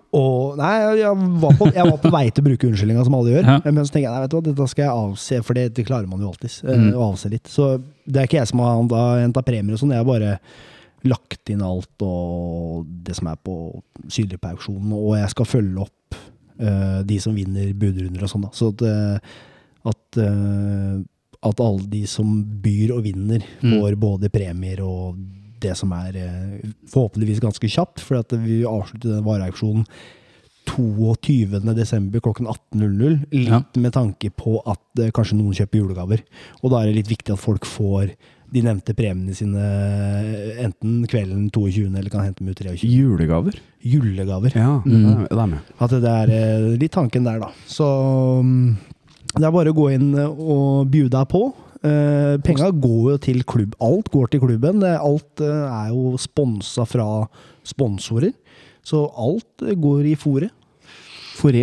Så Fôret. kanskje vi var inne på spillere, så da Ikke sant? Jeg har noe Ja. bud, bud inni, ja, så det Ja, jeg hadde bud inni, men det var overbudt, men jeg skal vente litt nærmere deadline. Ja, om det Deadline, er- deadline. Ja, og du kommenterte jo litt på at du måtte logge inn på Facebook, bare bruke Facebook for å være med på auksjonen. Ja. Det bør du da ikke gjøre. Du kan også gå via SMS, for de som ikke har fått med seg det. Og så får du mail når du eh, mister ledelsen på budet. Ja, det er litt merke til. Ja, Ja. men den havner nok på søppelpost. Vil hos enkelte, i hvert fall. Det gjorde den hos meg. Så gå inn og sjekke søppelposten, og når du har vært inne og flytta den en gang til innboksen, så tror jeg automatisk at kom, da kommer de, de neste mailene kommer da i normal innboks. Så følg med på um, søppelposten din. Ja, da, har, da kan du være med da, Christian. Ingen unnskyldninger. Du som ikke er på Facebook. Men eh, det var jo vareaksjonen. Eh, det er jo nye ansikter inn i Ingres. Eh, Marius. Eh, det er jo to stykker som har tatt over Hvilket lag var det som har tatt over? Jeg husker ikke helt nå i farta. Nei, det er jo ja, Hva var det for noe? Eh, En av det viktigste, viktigste man gjorde, var å resignere Bjørn Erik Karlsen på underlaget. Ja. Kjempesignering og bra og fått man videre. Det var jo Glenn Benarczyk og Lars Petter Ausland, var det det? Som kom inn på G16. Ja. Og så var det inne på han som kom fra Askim nå, han eh, Bre, Bre, Brenno. Brenno ja. Han skal vel også ta, i tillegg til Han fikk jo fryktelig mye arbeidsoppgaver, da. Men Ja. han skulle også være inne på 2007-laget, det vil si gutter 15, Mm. blir det vel? Ja. Så Ellers så var det vel flere er ikke som jeg kjenner til. Var e Ekelund, var det ikke det på en av lagene? Er det han Ekholt Ekelund, eller? Han har spilt i Moss og VS og Ekholt og Christian Hausland heter han andre, forresten. Kristian Hausland. ja. Skal ta over 2008-årgangen til Moss. 2008, ja. ja. Gutter 14, det, da. Mm. Ja. Mm. Eh, også, men vi må jo prate litt. Det har jo vært en trenerflukt fra Moss til Kambo. Hva, hva har skjedd her, gutter? Hvorfor har uh... Det vet jeg ikke, rett og slett. Jeg har prata litt med folk som er i og rundt klubben, som på en måte syns det er litt uh, trist at i hvert fall enkelte kanskje forsvinner. Men, eh, men samtidig så det er veldig bra at de fortsetter i andre bydelsklubber. Da. At de bidrar eh, i andre, andre steder. At de ikke gir seg. Eh, og så kan det kanskje være både sunt for klubben og de personene selv å få litt eh, miljøforandringer og, og alt det som er. At det, og, Og så handler det om hva som har blitt produsert de siste åra òg, da. ja, ikke sant, ja. Det er noe med det. De har jo vunnet litt. KM og produsert noen, altså Spillere forsvinner jo De spillere som har produsert, forsvinner jo tidlig ut. Eh, men altså Man husker jo tilbake for noen år siden hvor du Samme trenerne bare Altså, de var jo her hele tiden. Det var ingen som på en måte fulgte de opp eller brydde seg. Eh, selv om man kan være uenig enig i det som har blitt gjort nå, så, så, så viser i hvert fall klubben at de, de prøver noe. da At de Men, faktisk ja. tør å ta grep. da Ja, Og- tror, tror at det kan være en greie å skifte ut litt for å liksom få litt nytt blod inn i klubben? Da? For å liksom bygge opp igjen på nytt? da. Ja, ja det tror jeg. Du må ha en miks. Du må ha noen Jeg syns det forsvinner for mange ut, egentlig. Du må ha den som vi er inne på, den kontinuiteten. Det må du også ha i, i yngres og klubben generelt, som jeg tror er viktig. Eh, og så er det en liten tankevekker at de siste signeringene som kom til nå, har en form for kjennskap til eh, Thomas Myhre. Mm. Eh, eh, ikke noe sånn personlig mot verken de som kommer inn eller Myhre, men jeg vil jo tro at det blir det for mye kjentfolk og kamerater, så hvor, hvor, hvordan blir diskusjonene da? Hvordan blir ikke sant, hvem, eh, hvordan blir takhøyden her? Hvordan blir, blir Er det bra det? At det, det sitter kanskje ti gode bekjente her da, Mm. og skal styre klubben videre. Og det er klart det er å følge sportsplan, og det på en måte er uh, i gåseøyne fasit. Følg den så godt som mulig. Klarer man det? Ikke sant? Eller går man utenfor det? Jeg, jeg vet ikke. Det, jeg, jeg, jeg tror ikke det er helt sunt heller, da. Og det la jeg merke til på de kommentarene som var, eh, eller intervjuene. Så at det er veldig mange som kjente til Ja. Myhre. Nei, altså, jeg skal være helt ærlig at jeg kjenner ikke så godt til det. Og jeg, dette her med hvordan yngre drives, og hvordan det drives nedover, det har ikke vært helt mitt bord. eh, Kanskje ikke helt så mye erfaring med det. Du trener jo sjøl i, i Yngres i Rygge, blant annet, og kjenner litt, sikkert litt mer til hvordan det fungerer, da, hvordan sånne system fungerer. Ja, jeg tror kanskje utfordringa i Moss hvert fall siste året, at det er nettopp det du er inne på. Det er kanskje ikke noen som har vært så hands on da, på Mm. Yngres avdeling. Jeg tror det kanskje har vært litt Det har ikke vært klubbdrevent. Jeg tror det har vært veldig mye trenerdrevet, alt som har foregått. Og, Ja. og, og, og, og kanskje klubben på en eller annen måte nå prøver å få dette mer klubbstyrt igjen. da. Ja. Og da må man kanskje gjøre noen litt uh, upopulære valg, men det er positivt at man tør å ta litt upopulære valg òg, selv om man kan være uenig eller enig. Så, så, så kanskje det er en styrke da, at man tør å, å ta noen sånne tøffe valg. Jeg syns det er veldig trist å miste Kim, blant annet, som har vært i Moss i veldig veldig mange år. Er Mossegutt og har spilt og vært trener. Det er jo selvfølgelig synd når sånne personer forsvinner ut. Ja. Men, men jeg vil huke litt tak i det du sier der med å tilknytte seg for mye bekjentskaper. Eh, eh, Åssen arbeidsmiljø, fordelingspolitikk, åssen utviklingsarena blir det hvis det, det blir Alle der har jo spilt med Thomas Myhre tidligere. Vil det bli sunne diskusjoner, eller vil det bli sånn at de follow the leader, follow the leader? Eller, har alle dem spilt i Premier League? Ja. Idiot. Ja, nei, jeg er helt enig. Jeg, jeg, tror, jeg tror ikke det er riktig miljø å gå. Jeg, uh, man ønsker jo på en måte å samarbeide tettest med de man samtidig har nærmest, da. Så jeg skjønner jo, skjønner jo litt det, men, men samtidig, jeg tror, ikke, jeg tror ikke det er s- Jeg, jeg hadde ikke jeg, jeg ville jo ikke hatt det hele, hele familie jeg, ville, jeg tror ikke jeg vil trives å jobbe med masse familie og venner. Å, og det blir litt det samme i fotballen også. Det er jo mye av de samme mekanismene. Jeg tror ikke jeg hadde triv, Jeg hadde ikke trivdes i sånn miljø. Og hvem, hvem sier imot Myhre? Hvem har siste ord? Er det Myhre? Er det en fair, åpen, sunn diskusjon? Eller Ikke sant? Ja, for vi har jo fått et spørsmål fra en lytter som ønsker å være anonym, fordi det er jo et litt upopulært spørsmål, og det er jo som følger. De nye signeringene på Yngre, ser vi nye konturene av gutteklubben Grei? Hva tenker du om eh, det spørsmålet, Christian? Her er jeg feil mann til å svare. Det er jeg Du er jo feil mann til alt, jo! Hvis det, Ja, i dag sånn er jeg at det ikke kommer til Færøyene og politikk og tog. Hva, hva kan du si om tog? Hvor, skal jeg begynne? Apropos Færøyene, han eh, husker du han Kevin Jablinski? Han er jo også på Ja. Færøyene på utgående. Han som var i Raufoss? Raufoss. Yes. Men jeg kan jo svare på det, da. Du kan svare på det, Ja. Jan Erik. Ehm, Jeg forstår, jeg forstår at, man, at man er litt sånn, tenker litt på den måten der. Sånn. Det er jo helt naturlig at når det blir veldig mye relasjoner til hverandre, så er det jo naturlig å være litt sunt kritisk. Ja, for han. Brenno, som har fått masse oppgaver òg, han sier jo også at han kjenner Thomas Myhre godt fra før. Ja. Men så er det jo det å bruke nettverket sitt, da. Hvor man har hatt folk tidligere og sånt. Jeg vet ikke om eh, Rocky kjenner Thomas Myhre fra før, det vet jeg jo ikke. Men eh, han er jo utenbys fra, og han har vært med rundt Sarpsborg 08 osv. Og, så videre, og det som hører til der. Og Så nei, jeg, jeg, jeg, forstår at Jeg forstår skeptisen. At folk er liksom litt kritiske og er litt avventende, som det kanskje er så fint heter.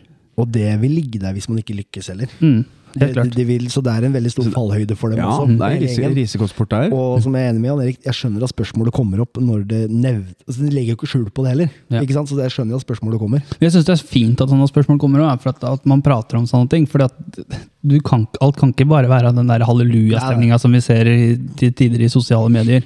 Når det har vært sånn de siste åra. Bare ny spiller klar for Moss, hvem er det? Bare Herlig. kjempesignering! Hvem? Å, han kommer til å være så bra! Så er det ingen som har hørt om den. Nei. Det må vi slutte med. Og så har det gått til helvete. ikke sant? Men klart, når du henter 92 spillere, så lykkes du med tre. ikke sant? Sånn er det jo bare. Ja, Det er ikke noe å slå seg i brystet på de tre- to-tre som har lykkes her i år. Det skulle jaggu bare mangle.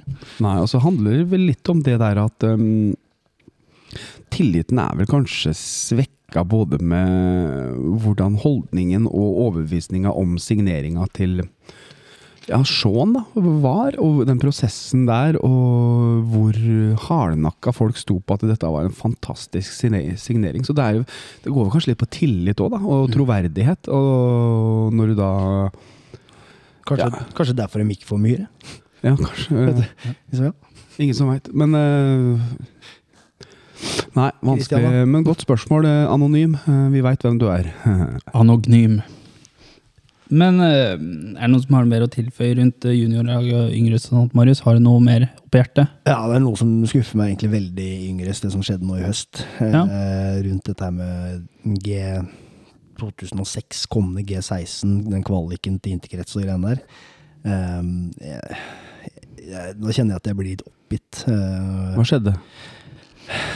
Ja, hva skjedde der? Fortell oss. Fortell. Altså, den, eh, Moss har jo en kvalik, eller mulighet til å være med i kvalik til G16 interkrets. Uh, Moss har ikke noe 2006-lag. De har noen spillere som har spilt sammen med 2005-gullet, da. Så har de bare en, en to, tre, fire spillere som Men så skulle de da samle inn eh, rundt om i byen. Samle det beste. Sprint 2006 eh, vant jo sin KM-avdeling og er kjempegode. Så det er klart det er ingen derfra som går til Moss. Eh, Men det er nok av gode spillere her i distriktet til å ha stilt et godt 2006-lag i Moss. Eh, Jeg, jeg, hvem, jeg vet ikke hvem som har vært med på den. Jeg vet Myhra som har hatt treningene. Jeg vet ikke om han har hatt organiseringa. Jeg tror ikke han har hatt tid til det. Han har vel sikkert ikke kjennskap heller, men jeg lurer på hvem i alle dager er det som har hatt organiseringa rundt det? Kommunikasjon med spillere og klubber. Det, det, det, er, jo, det er jo helt eh, Vet du hva, det, det, står til stryk. Hva har skjedd, da, for faen? Nei, De klarte jo ikke å samle nok spillere, eh, som gjorde at de til slutt valgte å trekke seg fra det greiene der. Jesus. Eh, de fikk jo noen Kambo-spillere. De klarte å samle en gjeng her oppe med noen 06-spillere rundt om i byen, og noen 07-spillere som er i klubben. Eh, og tror jeg de fant ut at nivået ikke var bra nok. Men de har jo ikke vært, eh, de har jo ikke vært på Det er mange spillere eh, som, rundt om i distriktet som har vært mer enn gode nok til å vært med der, som ikke har fått spørsmålet.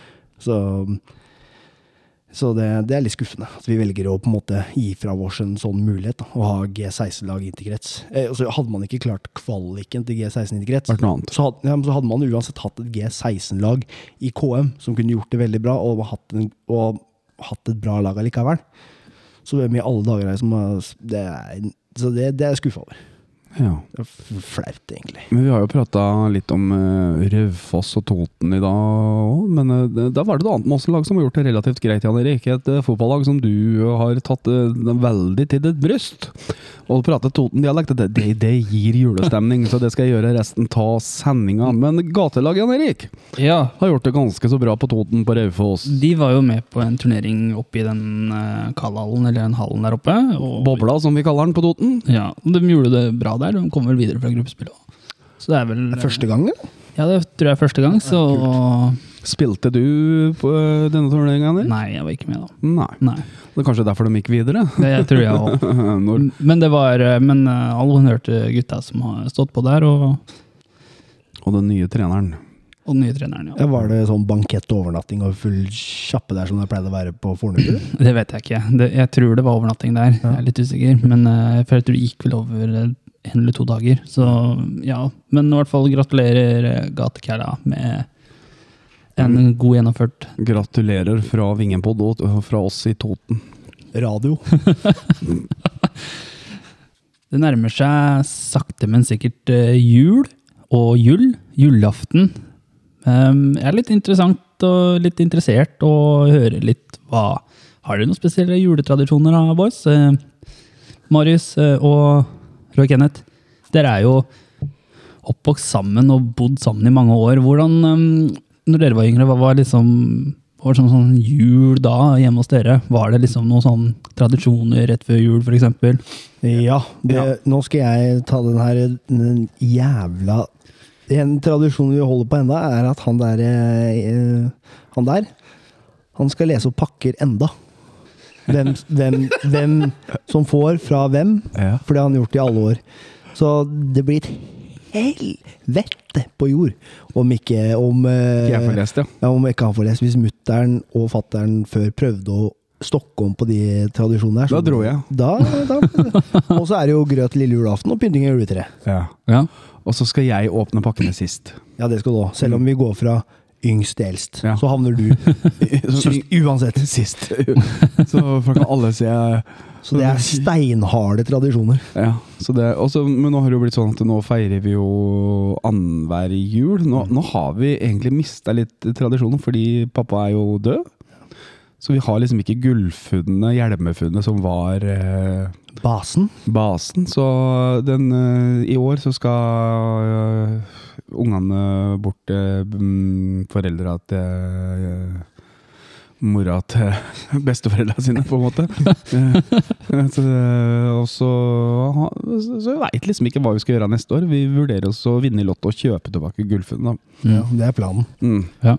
Så nå er jo første jula til Marius med barn, så hvor skal dere? Skal dere til Leislebei? Vi skal på Rollsay, vet du. Skal på Rolse? Ja, ja, til svigers. Ja, ja.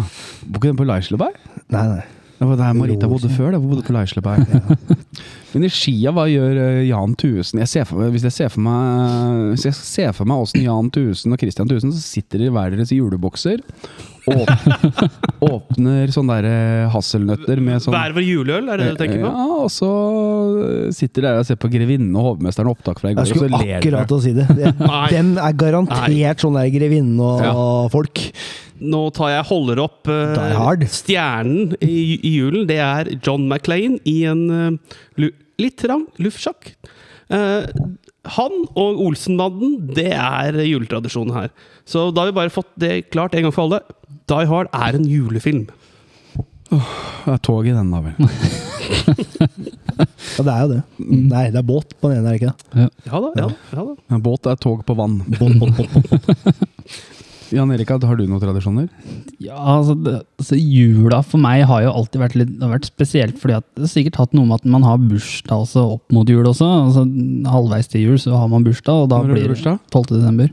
Ja, det er jo halvveis til jul, det. Ja. Så det er, ja, så det er jo liksom, så jula har alltid vært sånn spennende. altså Halvveis til jul så har det vært et eller annet. Liksom. Det har vært bursdagen min, og så har det vært jul, så det har alltid vært spesielt. Men det har jo vært å se på filmer, Home Alone, i hvert fall én og to. Ja. Også apropos filmer i den forbanna Reisende julestjernen og, aske, og den Askepott-greiene. Ja. Største møkka som fins. Jeg sier det høyt, jeg. Sier det høyt. Sorry. Eh, nå rocker jeg sikkert med den største møkka som fins. Askepott! Og Askepott, kom og derfor så må du sette på noe ordentlig film, Marius. Merk mine ord. Ja, ja. Nei, Det det- og, det og Olsenbanden. Du må ha Olsenbanden i, Nei, men i nå, nå, nå prater vi om eh, folk som er i forskjellige faser av livet her. Nå Ja. er, eh, jeg er så drittlei Linus og da- Dingen, det er ein, to, tre altså, hele tida. Og så har det jo kommet en ny julekalender med noe sirkus og noen krøkker, og det er så mye julekalendere som skal gå gjennom. Men det er jo koselig da å sitte med ungene på fang og Unnskyldning for å spise godteri. Jeg ser Marius har, har brukt den unnskyldninga godt. Så i hele år. Nei, da, så, så jula er jo til for unger, og det, det, det endrer seg veldig når du får unger, og det blir, jula blir mye hyggeligere. Og, og jeg har jo uh, heldigvis en uh, god sjef på sykehuset som gjør at uh, hun prioriterer fri til oss som har små barn, og det setter jeg pris på. Så skal jeg ta igjen når, når jeg blir gammel, og andre får små barn. Fordi at det er eh, Vi har ikke så mye fritid i disse dager, så jula er hyggelig. Og så har jeg julelysfetisj. Ja, det, det har vi jo sett for Det var jo for noen år siden, så var det jo P4. Ja. Det var hjemme hos deg og pynta huset ditt med Ja. alt det du hadde. Ja, og så hadde de kjøpt eh, 10 000 lys til. Men nå, så nå har jeg regna på nå, så er 148 000 lys. så Jeg bikker jo ganske mye. Men uh, Hjelm, jeg må jo nå spørre det lyt lytterne tenker på. Hvordan går det med strømregningen? Det går uh, stabilt høyt. Vet du hva, Han var på 6009 i november. Det er sjukt. Og da, Det da er godt du får 300 kroner i støtte av staten, da. så, det, så det er uh, Norges Energi. Vi gjør Norge Nei, det gjør dere faen ikke. Det. Så vi skal starte en spleis, da. Ja. Men, men uh, Vi brøt deg, vi, Henrik. Ja, Sorry. men det, det- går fint, jeg er vant til det. vet du. Men eh, vi, vi snakker om jul her. Um, Jul. det er jo til fredagen uh, neste uke, så er det julaften. Hva spiser folka? Altså, nå er det julaften på en fredag, så da regner jeg med det blir taco, for man kødder jo ikke med tradisjoner her i Norge. Altså, Jeg tar alle som spiser pinnekjøtt, lutefisk og annen møkk på julaften, tar useriøst. Ribbe. Ribbe. Ja, ja. Ribbe, medisterkaker og saus. Surkål. Gjerne rødkål. Rosenkål. Eh, julepølse hvor du skjærer av skinnene først. Tyttebær må du ha ved siden av. lingon. Og det skal være lingon. Det skal ikke være Men, men dere to er jo sånn ketsjup-typer òg. Er det ketchup på, eller? Nei, faktisk ikke. Men. Yes. men jeg er grillkrydder på ribba. ja, ja. Og det skal være grillkrydder før solen blir sprø. Men, så, men jeg har en følelse på at Christian er veldig utradisjonell. der. Ikke, kanskje ikke veldig utradisjonell, men han er, jeg tror han er mer sånn kalkuntype. Stemmer. Ja. Fy faen. Kalkun og reinsdyr er på menyen. Men, men, men, men. Min juletradisjon eh, til frokost, det Ona, er onanere med venstre. Grandiosa til frokost. Ja, det Ja, er, det er- Fordi Men kalkun på julaften! Ja, ja, ja. det er nyttårsaften. Ja, det, det, er- det er jo så Det, er, opp til enhver, tenker jeg. Altså. det funker jo, det. Altså, Kjerringa mi har faktisk eh, bestilt av foreldra sine. Torsk. Hun skal få meg torsk på julaften. Til jul? Og jeg synes jeg, tenkte Ja, men hvorfor? Nei, for jeg, jeg veit da faderen, jeg. Det er Sjukehuset, jeg tror. Det er onsdagsmat. Og så kommer du med kalkun? Jo, men, jo, men kalkun er i det minste godt. Ja, det er sant. Nei, det kan Kalkun er jo også noe som man spiser Det er jo kanskje ikke så vanlig i Norge, men også blant annet i USA og Storbritannia så er jo kalkun Ja, ja, ja. stort. Ja, søren. Mr. Bean. Britain guy, du vet du. Så, ja. Da tar jeg tilbake. Beklager, da forstår jeg, forstår jeg tankegangen. Bean. Han trøkker jo huet sitt inn i den jævla kalkunen. Nei, da er ikke du sjukest da likevel, Kristian. Men det skal faktisk sies at også hjemme hos oss så har vi bytta på litt. Jeg, jeg har spist pinnekjøtt på julaften, jeg syns det er kjempegodt. Jeg har spist mye ribbe har det blitt, med tilbehør. Uh, og vi har også hatt kalkun. Også. Også, som regel så har vi litt av hvert. Altså, I fjor så hadde vi både kalkun og ribbe. Så Men, Mer enn nok å men ete. før, vet du, når Moss fotballklubb var, når vi var, gjorde det bra og Kråkingen var store, og sånn, så var jeg invitert litt rundt omkring jeg, til å gjøre sånn events i gåseøyne. For null kroner, da, vel å merke. Så jeg var jo i sponsortelt og sang og reiste litt rundt og spilte. Og så husker jeg jeg var på lutefisklag i Larkollen. Og for der var, der var det flere av sponsorene. Det var jeg og en som heter Glenn. Vi var i Larkollen på lutefisklag. Og det, det var koselig, det. Men det var fordi at det var akevitt til, så skylder vi ikke den lutefisksmaken. Så han har fått opplevd eh, lutefisk òg, men det frista ikke til gjentagelse, altså. Men dessert derimot er Nei, det er riskrem. er det riskrem. Der, der, der tror jeg panelet er gode, altså. Ja, i hvert fall dere tre. Skal jeg være helt ærlig og si at riskrem syns jeg er dritkjedelig. Ja, det er kjedelig, ja. Men det er Bare av tradisjonsgrunner. Ja, nettopp. Altså, da, da kan jeg heller ta karamellpudding eller noe sånt. Det funker. Ja, Legger dere merke til hvor lett diskusjonen flyter Ja, ja. når mat? Ja, men husker bare da vi hadde ti kjappe om kaker og sånt. Da var det jo er Her har vi gode alle sammen. Men, men altså, dessert eh, Hjemme hos oss så har vi som regel hatt eh, Jeg har aldri vært veldig begeistra for riskrem, men eh, det går. Lært å lære i voksen alder å like det. Men det har vært litt karamellpudding, og så fatter'n er jævla glad i multekrem. og det er veldig godt. Ah, det det syns jeg også er veldig godt. Faren din er smart. Men eh, det som jeg vil gjerne at Marius skal prøve nå, som han er i posisjon til å prøve det, som jeg syns var veldig godt, det var å dyppe pepperkaker i morsmelk. Det ga en helt egen konsistens og smak. Fikk du søtt på søtt. Så det må du prøve mens det fortsatt er melk, melk i jura. Skal jeg prøve i kveld, faktisk. Vi sitter jo her, og så har vi jo foran oss på bordet her, så har vi berlinerkranser. Det er jo veldig godt. Ja. Men har dere noen favoritter av disse her sju slaga? Altså, Altså, jeg hørte Jeg husker ikke hvem podkast jeg hørte på. Uh, Julepodkasten?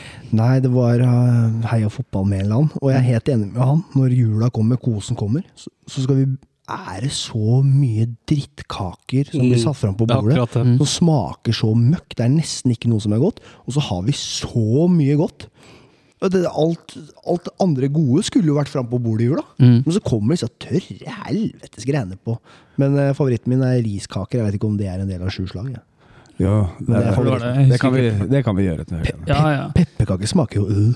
Altså, jeg, jeg har jo hvis, Min favoritt er kanskje smultringer, men da må de være så, så å si ferske. Altså, Hvis du skal ha gode smultringer, så må de stekes tett oppunder. Kanskje 22.-23. For dem som er helt gærne, så tar de på julaften òg, men altså For de må være ferske. Men da skal jeg ha et tips til deg. Sett, tilsett morsmelk i deigen, så holder de seg ferskere lenger. Men eh, ja, nei, det er eh, også litt sånn endring av tradisjoner etter hvert som tida flyr. Det er eh, veldig mye baking hjemme hos meg, men det går jo veldig mye litt sånn ferdigprodukter. da. Altså Sette sammen og lage størst mulig pepperkakehus og Mm. pynte for å knuse i romjula og sånn. Så det blir jo litt sånn um, Ting endrer seg mens livet går. Men er, er det noe tradisjon blant panelet her, da? Som julebukk? Er det noe som dere går, eller går med ungene deres? Hjelm, du har jo unger, da. Går dere julebukk? Nei, men Christian går horebukk, men eh, vi går eh, vi går, Noen gjør det òg. ja, vi går ha ha halloween. Det er den eneste bukkformen vi går. Jeg har faktisk vært med og gått ølbukk en gang. Det er veldig gøy. Ja. Det er å anbefale. Det, da, og da må du gå and, andre juledag, vel? For det er mye middagsselskaper rundt om. Da får du mye godt i glasset, for å si det sånn. Ja. Det blir Du kommer ikke langt i gata før du slår inn, for å si det sånn. Nei, det er jo Det er jo øh, Det, er jo, det har jo kommet en ny tradisjon. da Folk går halloween med V-I-N. Mm. Banker dem på, så får de, øh, har med seg glass, og så heller folk vin oppi. Så det er jo samme som ølbukk, det. Men julebukk Nei, det er særnorsk tradisjon. øh, Ja, vet du hva? Den skal jeg ta ansvar for å innføre på Greåker, rett og slett. Ungene skal kle seg ut, synge, få godteri. Ja. Ja, for nå er det mye godteri på bordet òg. Ja, visste er det det. Øh, Skal jeg love deg det kommer mye tørre kaker i den der øh, havresekken. Men, men når vi snakker om jul og hva som kommer på bordet sånt, det som har vært veldig mye jul hjemme hos oss, blant annet er delfiakake. Det, det er så godt, det. Det syns jeg er godt, altså. Ja, det har jeg bestilt av mutter'n. Mutter'n lager delfiakake hvert år. Uh, Da Mutter'n til Jan Erik. eh, jeg skulle gjerne hatt en delfiakake, jeg òg. Vi, vi, vi tar tre. Ta fire, da, mens vi er i gang. Ta den på neste pod, da. Ja. ja, med sånn der, Har du med nøtter og gelétoffer på toppen? Og Per søtkjeks i midten? Per Søtkjeks har jo gått ut av produksjon. Ja, Fordi den blei jo bare, den ble jo bare brukt kjøpt til jul. Den gikk ut av gikk på dato sånt i butikken. Så Mariekjeks er en fin erstatning. Ja. Så, men det er sånne her eh, Hva heter de der gelétoppene? Ja. Men vi har aldri hatt nøtter på. Nei, Dere har marsipan. Eh, Ja, det kan du ha på sjøl. Jo, ja, det Ja. er midten. Åh, Vi kjører vel bare kjeks, tror jeg. kjeks og marsipan oppå. Åh. Men det, det er kjempegodt, da. Det ble sånn mye mat og nesten litt sånn erotisk her. Jeg gleder deg, gleder deg til jul. Altså. Jeg, jeg gleder meg sjøl. Jeg er litt usikker. Jeg tror det blir både kalkun og ribbe i år. Og jeg gleder meg. Men det som er veldig veldig koselig, er eh, Som sagt så er jeg sånn julelysfyr, og så har jeg over 300 nisser inne. Så er det er mer eh, Altså, jeg kommer nesten ikke inn pga. nisser og lys. Men også sette på julemusikk. Eh, og litt sånn eh, Introdusere ungene for sine tradisjoner og sånn, syns jeg er veldig spennende å sette på. Det var julekveld i skogen, så, En skulle vøri fire og Altså, introdusere ungene for sitt liv. Det blir for De introduserer ungene sine for sine tradisjoner. Og så Ja. skaper de sine tradisjoner, og hva som er forbindelsen med jula for seg. Mm. Og jeg merker jo på hvert fall hun eldste som er ti, så er ikke hun så ivrig. Og jeg er mer ivrig på jula enn hun. Det er jo pakkene, men sånn var vi sikkert som unger. Det var pakker som var viktige. Det er myset og kaker og musikk og lys og bamser og gud hjelpe meg, er kanskje ikke så viktig for barn. Ja, for meg så var det mer sånn at det var veldig viktig å få på plass litt sånn julepynt i heimen for å få den julestemninga, liksom. Ja. Det husker jeg. Altså, det betyd, måtte ikke være så jævla mye rundt omkring, men altså, jeg husker jo til advent sånn, så bytta mutter'n gardiner til julegardiner, for Ja. Ja, ja. Og det, det, det var litt sånn viktig også å ha. Så merka jeg også var mer levende lys hjemme ja. når, eh, når det var jul. Det også er jo Det introduserer jeg jentene mine for. Og den, den vil gjerne, der vil de gjerne synge. Sånn som i dag, så er det fjerde advent. Og her sitter pappa.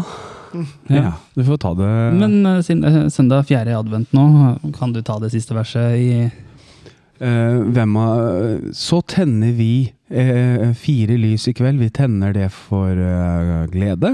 kjærlighet, da? Kjærlighet. Eh, det står og brenner for oss som er til stede. Amen. Amen. Jeg trodde siden vi er supportere, vi skulle bruke bluss. det er- Fire bluss i kveld. Vi er jo inne. Oh, ja, ja, Fire- ja. fire oh, ja, bluss. ja. Fyrer fire bluss i kveld. For køllene.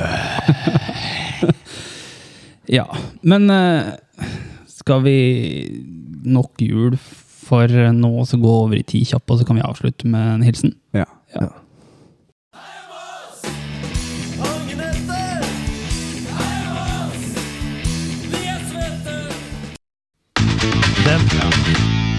Ti! Ti kjappe! Nå er vi endelig inne i avslutningen, og det er ti kjappe. Det har jo som sagt, det er jo en quiz. Og det er det, siden det er her inne, så er det førstemann opp med hånda. Er, Jeg bare øver. bare øver, førstemann opp med hånda. Hjelp! Så bare pass på hendene deres sånn at det ikke hvelver noen mikrofoner her. eller noe sånt. Um, og det, Det går er, bra, det er ikke min mikrofon. Nei, ikke sant. Eh, men uh, temaet blir jo til dels litt jul på Ja. quizen her. Yes. Eh, så jeg, men, Faen, jeg, det er men dårlig. jeg tror at Christian også kan klare dette her. Åh, det er bra. det er bra. Yes. Fotballpod, da. Så eh, da starter vi like gjerne med en gang. Og første spørsmål lyder som følger. Tradisjon tro i engelsk fotball så spilles det fotball. i Hjelp. Christian! Ja, jern. Boxing day. Boxing Day er riktig svar. Fy faen, jeg er så god, ass. Julen er mer enn bare fotball. For mange handler julen om tro og Jesu fødsel. Det gikk ut en befaling fra Hjelp! en ja, Keiser Augustus. Keiser Augustus er riktig. Josef tok med seg Maria til Davids by. Hjelp! Nasaret i Galilea. Det er feil. Nei! Christian! Christian? Uh, uh, Betlehem! Betlehem er riktig.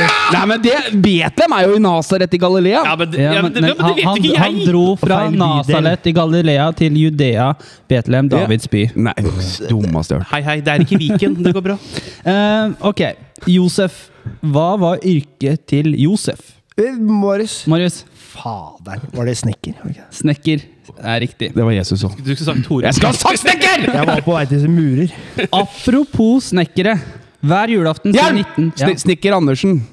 Ja, og Ja, det og, Marius. heter- Marius. Julenissen. Yes. Ja, men filmen, ja. Nei, men Boka heter 'Snekker Andersen og julenissen'. ja men han, sa, han sa bare nissen. Han kan ikke få rett. Halvt poeng til hver. Til Flott. Ellers så stryker vi spørsmålet. eh, ok, vi fortsetter videre. Hvem skrev boka om Snekker Andersen og julenissen? Christian. Christian? Alf Prøysen. Alf Prøysen Nei, er han er riktig. dau! Han er skrevet for det. Ja, men han levde jo da det, dette her var. Nei. Alf Prøysen skrev en kjent vise som synges i jula, hvor det snakkes annet om en stor potet. Hvilken? Hjelp! Når nettene blir lange og kulda setter inn Musevisa. Musevisa. Det er Der er jeg god. Solsnudagen er tett opp mot jula. Hvilken dato er dette? Hjelp!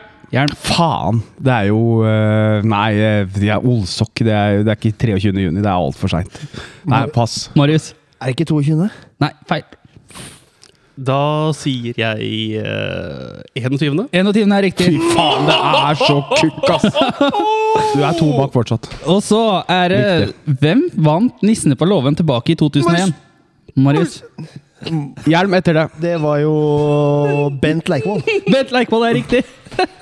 Det er bra at han fikk den. Yes. Han vinner i så tipper jeg. Hvem var det Bent Hjelm! Asbjørn Brekke. Asbjørn Brekke ja! Fy da drar jeg fra igjen, gutter. Og, men det var siste spørsmål? Ja! Spill fanfare! Applaus! Gratulerer, Hjelm. Tre av tre, det er jævla idioter! Men hva var egentlig siste spørsmålet, tror du? Hvem han uh, ta, tapte mot i finalen. Nei, men svaret var riktig uansett. Ja. Bent. Leikvoll tapte mot Bent Leikvoll i Filippinene i julaften under Nissen over skogen her tilbake i 2011. Ja, Filippinene. Da må du gi det du eh, Det Stemmer pengene du hadde på det.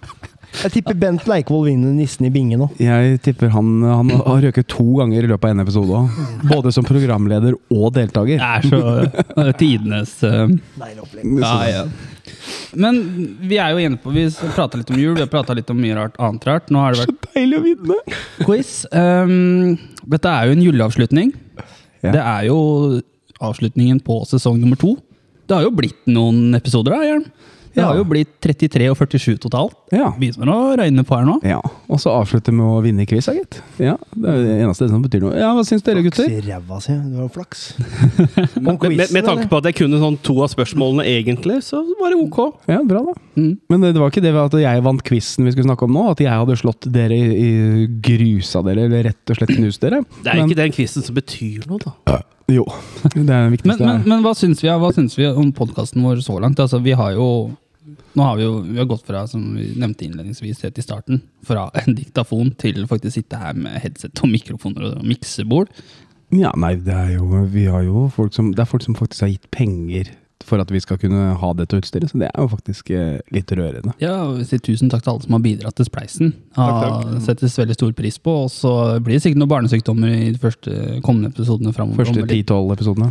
Men uh, vi lærer så lenge vi lever. Vi gjør dette på dugnad. Mm. Og vi gjør det for at vi syns det er gøy, og for å ha et talerør. Mm, og så har vi jo også muligheten til å ha med gjester. Vi hadde jo Ja, Det er i hvert fall hyggeligere å ha med gjester enn å bare kjøre dem eh, digitalt. For at det, det er litt som å invitere noen hjem, og så har du ikke noe folk kan sitte på. liksom. Det det er litt det.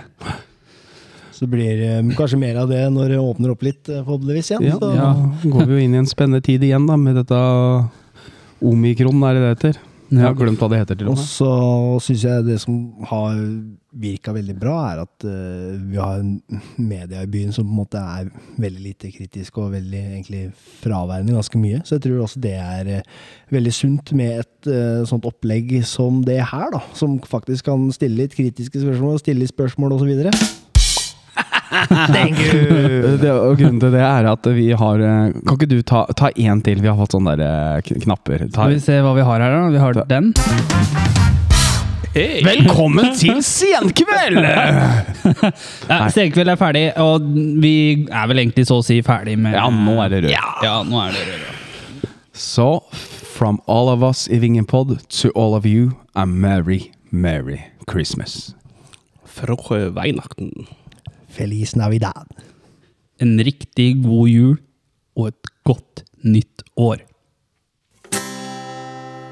Nå er det jul her i Moss. Gågatas lys er tente. Ifra kirken høres stemmer som synger julen inn. Ja, stemmer som synger julen inn. Ja, stemmer som synger julen inn. Kanskje kommer nissen i kveld. I alle fall hjem til oss. Men for du med brua fins det bedre paradis enn Moss. Ja, bedre paradis enn Moss. Ja, bedre paradis enn, bedre paradis enn, bedre paradis enn Moss. Julegleder, ja, hva kan det komme av når vi lever i en verden full av illusjoner? Dum-dum-da-da-da-da. Tra-la-la-la-la-la-la. Tra-la-la-la-la-la-la. Nå er det jul her i Moss. Piasenterets lys er tente, og gode gamle Moss er som før. Og Fossen bruser med sitt gode humør. Ja, bruser med sitt gode humør. Ja, brusemessig kode, ja, brusemessig kode, ja, brusemessig kode humør.